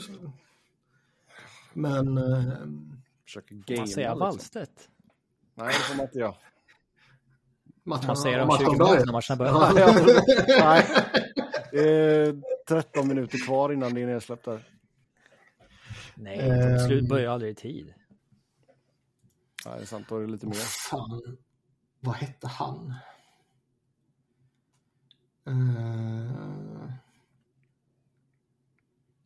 Ah, Jag säger Peder Lindberg. Ja, Pelle Lindberg, nia på listan, 157 matcher. Jag fick ett namn nu eftersom eh, Flyers-matchen står på. och han släppte precis in en puck och vände ryggen till så jag såg det på ryggen. Persson. Ja, 24 på listan. Han gör sin 30 match här idag. Vad fan var det han hette? Eh,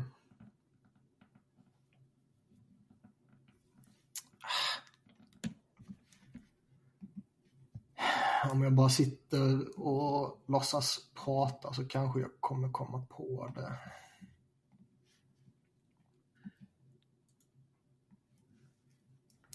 Eh, nej. Jo, eh, Forsberg. Anton. Mm, 12 på listan, 145 matcher. Det var inte han jag tänkte på.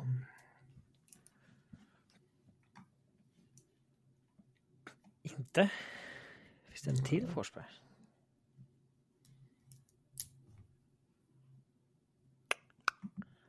Huh. Okej, tar jag fram en lista här. Eh,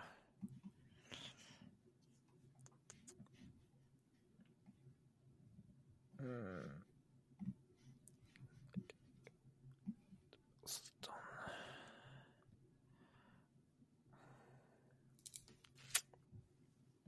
Oskar Dansk. Ja, Oskar Dansk, nummer 31 på listan. Han har gjort sex matcher.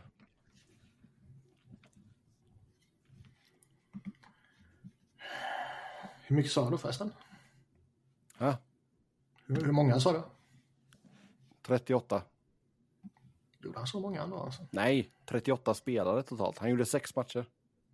Ja, jag menar det. Vad menar du med 38 spelare? 38 målvakter som har spelat i NHL.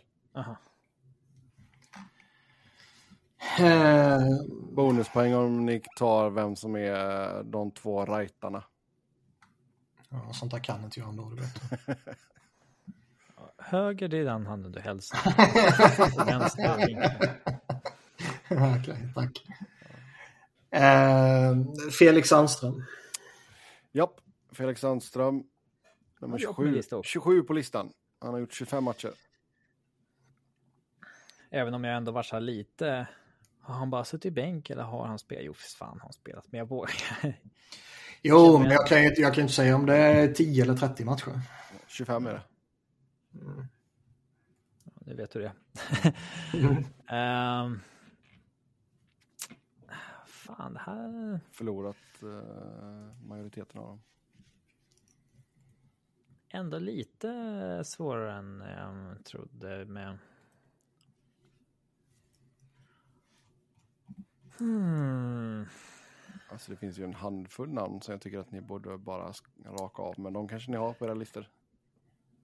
Enerot. Ja, Jonas Eneroth, 11 på listan, 153 matcher.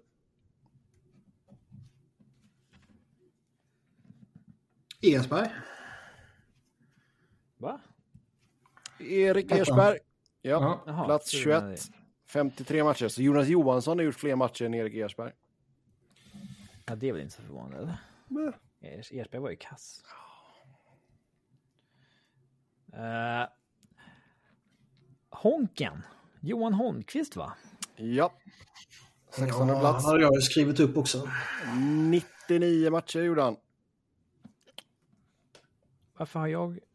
Nu ligger jag före Niklas här i min lista på målvakter. Så jag har missat skriva upp någon som Niklas har sagt. Shame on you. Ja, Vad sa du efter Pelle Lindberg, Forsberg, Ersberg? Någonting mellan Forsberg och Ersberg? Dansk. Nej, det var jag. Jaha. Eh, Sandström. Ja, Sandström. Tack, tack. Sandström. Eh, Tommy Söderström. Ja, 10 på listan. 156 Just det. matcher. Bra för deep tiebreaker också.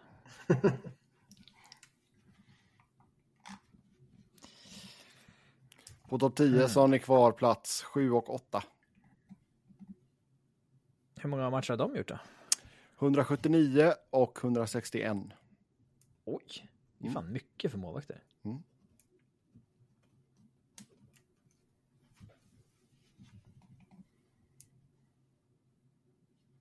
fan kan det vara? Mm, jag tror jag kom på en av dem nu.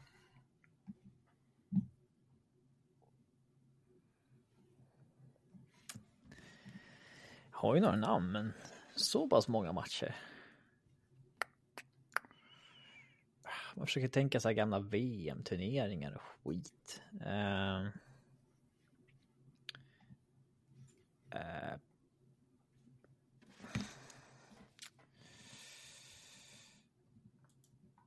jag får ta någon från min lista helt enkelt. Jag uh, säger Anders Nilsson. Anders Nilsson. Han är på plats 8. 161 matcher. Vilken Gustavsson var det jag sa? Filip. Mm, då säger jag Jonas nu. Ja. Måste Monstret. kunna hans smeknamn. Monstret. Sjunde platsen där. 179 matcher. Det kan vara det muppigaste smeknamnet på en eh, hockeyspelare. Det är så här, han är en ganska dålig målvakt. Vi kallar honom monstret. Men då är det coolare med älgen. Vem fan är älgen? Ja, det Hedberg. Hedberg. The Moose. Ja, The Moose ja. Det är inte så att det är Sverige. Tjena älgen. uh, Ja, då är det plats 13. han har visserligen inte längre svenskt pass. Kan jag fortfarande säga en som har bytt nationalitet? Sådana tycker vi inte om.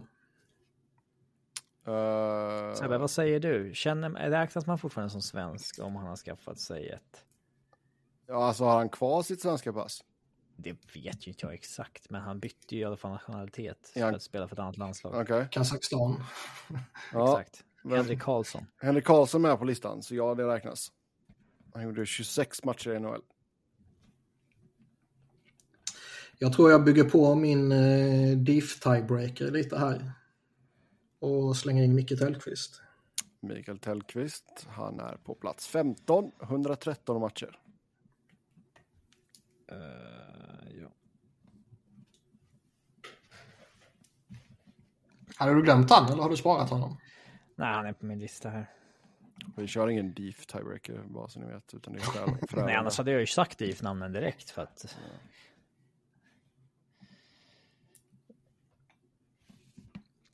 Vi har en Wrighta tiebreaker och en Frölunda tiebreaker.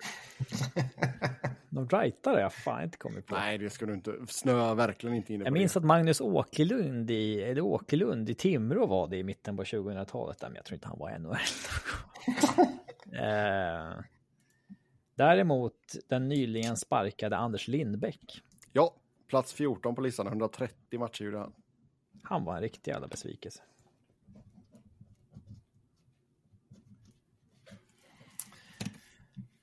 Ja. Eh, Nu kommer jag på en till.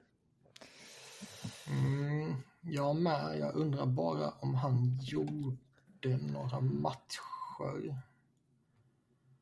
Han...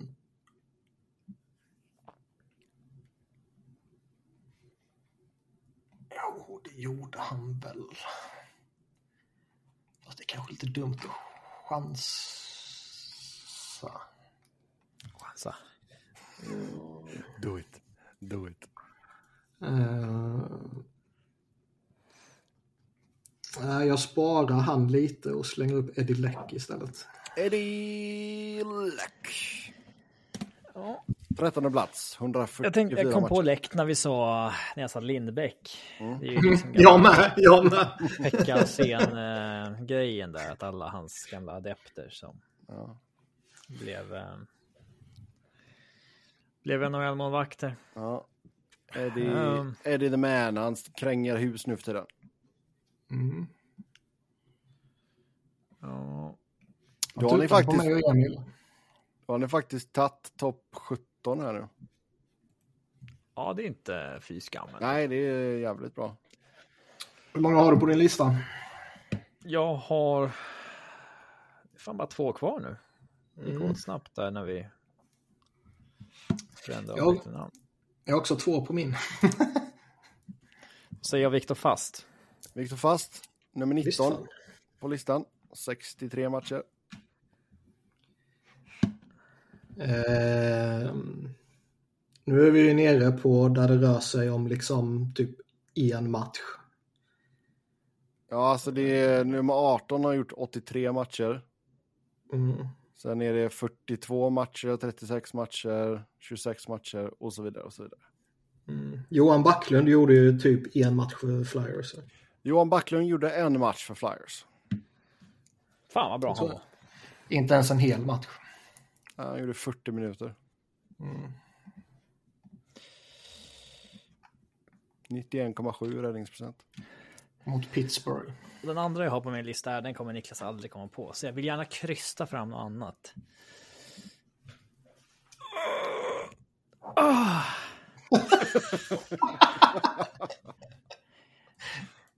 Ska det krystas så ska det krystas.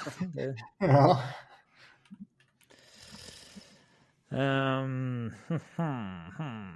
Försöka tänka lite NHL-organisationer så här liksom. Nashville Predators. Där var ju Lindbäck, ja. Yes, yes. Men vad fan, det har inte varit något annat sexigt svenskt där. Nej. Det är ju några aktiva också- kvar. Va? Det är några aktiva kvar. Mm. Nu när jag börjar tänka på svenska föreningar så tänkte jag på Malmö och då, visst fan har Nilstorp ändå stått i NHL? Kristoffer Nilstorp har gjort sex matcher. Ja, fan vad bra han var. Och han är rightare. Ja, just det. Tiebreaker. Det finns en rightare kvar. Uh, har jag ju...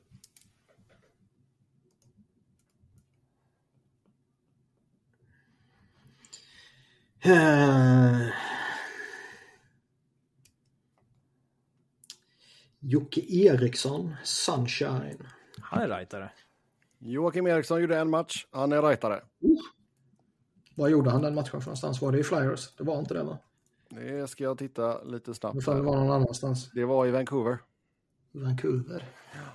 Han är också DIF tiebreaker. Han Väldigt gjorde bortglömd ettårssession i Djurgården. 36 minuter gjorde han i en match. Okej, där tog vi varsin rightare. Hur många målvakter finns det ens kvar nu? Uh, ska vi se. En. Va? Två. Tre. Fyra. Fem. Sex. Sju.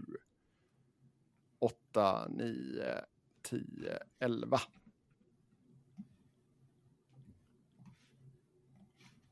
Elva stycken. Vi har sagt Varav- 27 stycken nämligen. Det är ganska många aktiva kvar. Aktiva nu igen? Ja. Aktiva nu. Inte liksom Jaromir Jagr aktiva. Nej. Nej, men han spelar faktiskt korphockey fortfarande Ja, till, nej. till brinken. Nej. Inget sånt. Nej. Sen är det väl bara en av dem som är kvar som är liksom ordentlig NHL-målvakt så att säga. De andra är lite mer så här, AHL backup-aktiga talanger. Nu har vi fått lite hjälp där.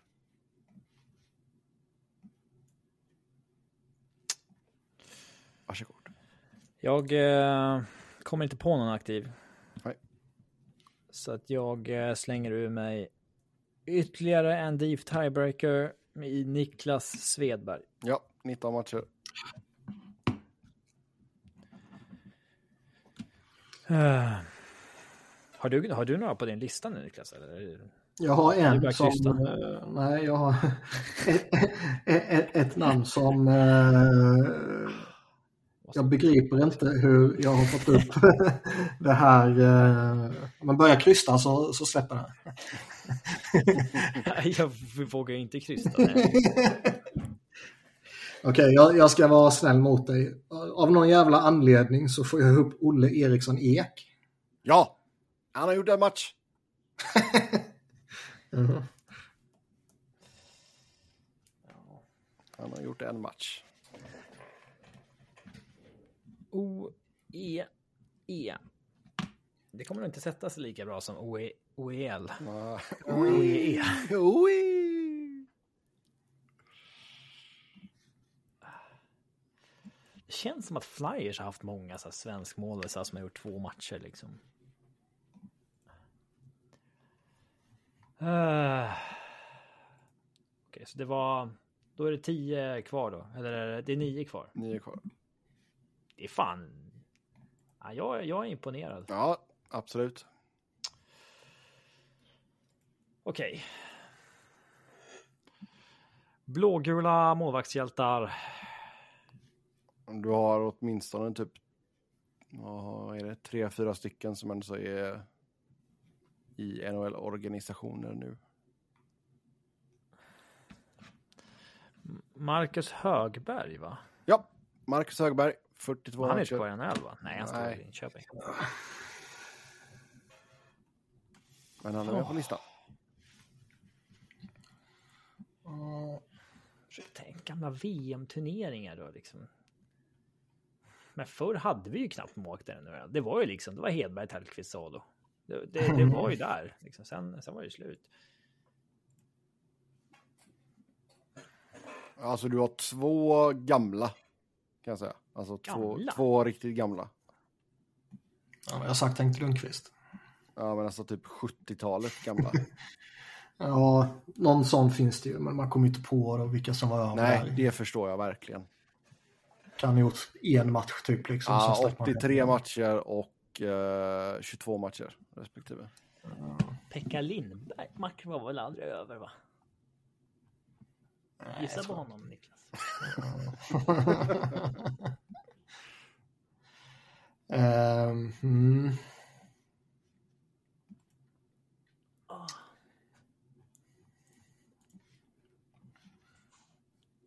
Nej, alltså vad fan, jag kommer ju inte komma på någon väl. Jag tror vi har uh, mjölkat ut Flyers målvakterna. Uh, eh, kan inte komma på någon annan där. Jag har ju ett namn, men jag tror inte han gjorde några matcher. Men han var väl över i alla fall. Så man kan ju chansa på att han fick hoppa in fem minuter. Ja, Stefan Liv. Jag tror inte han gjorde något va? Nej. Boom. Då får du en ytterligare chans innan du är rökt. Jag har tre målvakter i alla fall som har gjort matcher i år.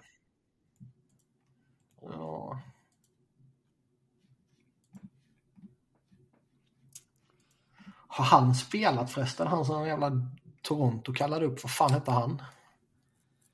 Eh, Han du sa att du aldrig skulle bry dig om. Ja. Mm, se, nu straffar det sig. Vad fan hette han? Dennis någonting. Dennis... eh, Jag tror att jag såg någon artikel dock där det stod så här. Debuten får vänta för. jaha. Eh, vad fan Däremot hette han? han ja i Toronto. Just det. Just det, just det, just det. Nej, Ilja Samsonov är inte svensk. Klingberg är inte målvakt. Nej, jag säger Dennis i Toronto säger jag. Nej, Dennis Hildeby har inte spelat ännu. Hildeby var jag, han har inte Ja. spelat. Eh, Robin, då får du lägga... Ja, när vi sa Toronto så kom jag på han Källgren som kom upp förra året där. Ja, Erik. is, det. is he the answer? Ja. Erik Källgren, han gjorde 24 matcher. Eh, då var det, säger vi grattis till Robin som vinner detta. De ni missade var Hardy Åström, han gjorde 83 matcher på 70-80-talet. Eh, sen har vi Arvid Söderblom, spelar ju nu för Chicago. Magnus Hellberg är ju i Pittsburgh. Ja, den borde man kanske krystat fram. Sen har vi Göran Högosta, det var också 70-talet. Ehm, Magnus Krona har gjort två matcher för San Jose. Adam Werner. Hugo Alnefelt. Japp. Så, så är det med det.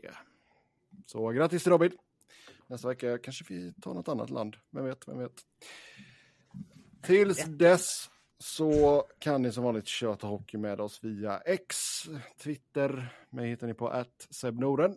Niklas på att Niklas Wiberg, Niklas med C, Wiberg med enkel V, Robin på R underscore Fredriksson, podden på SB NHL podcast.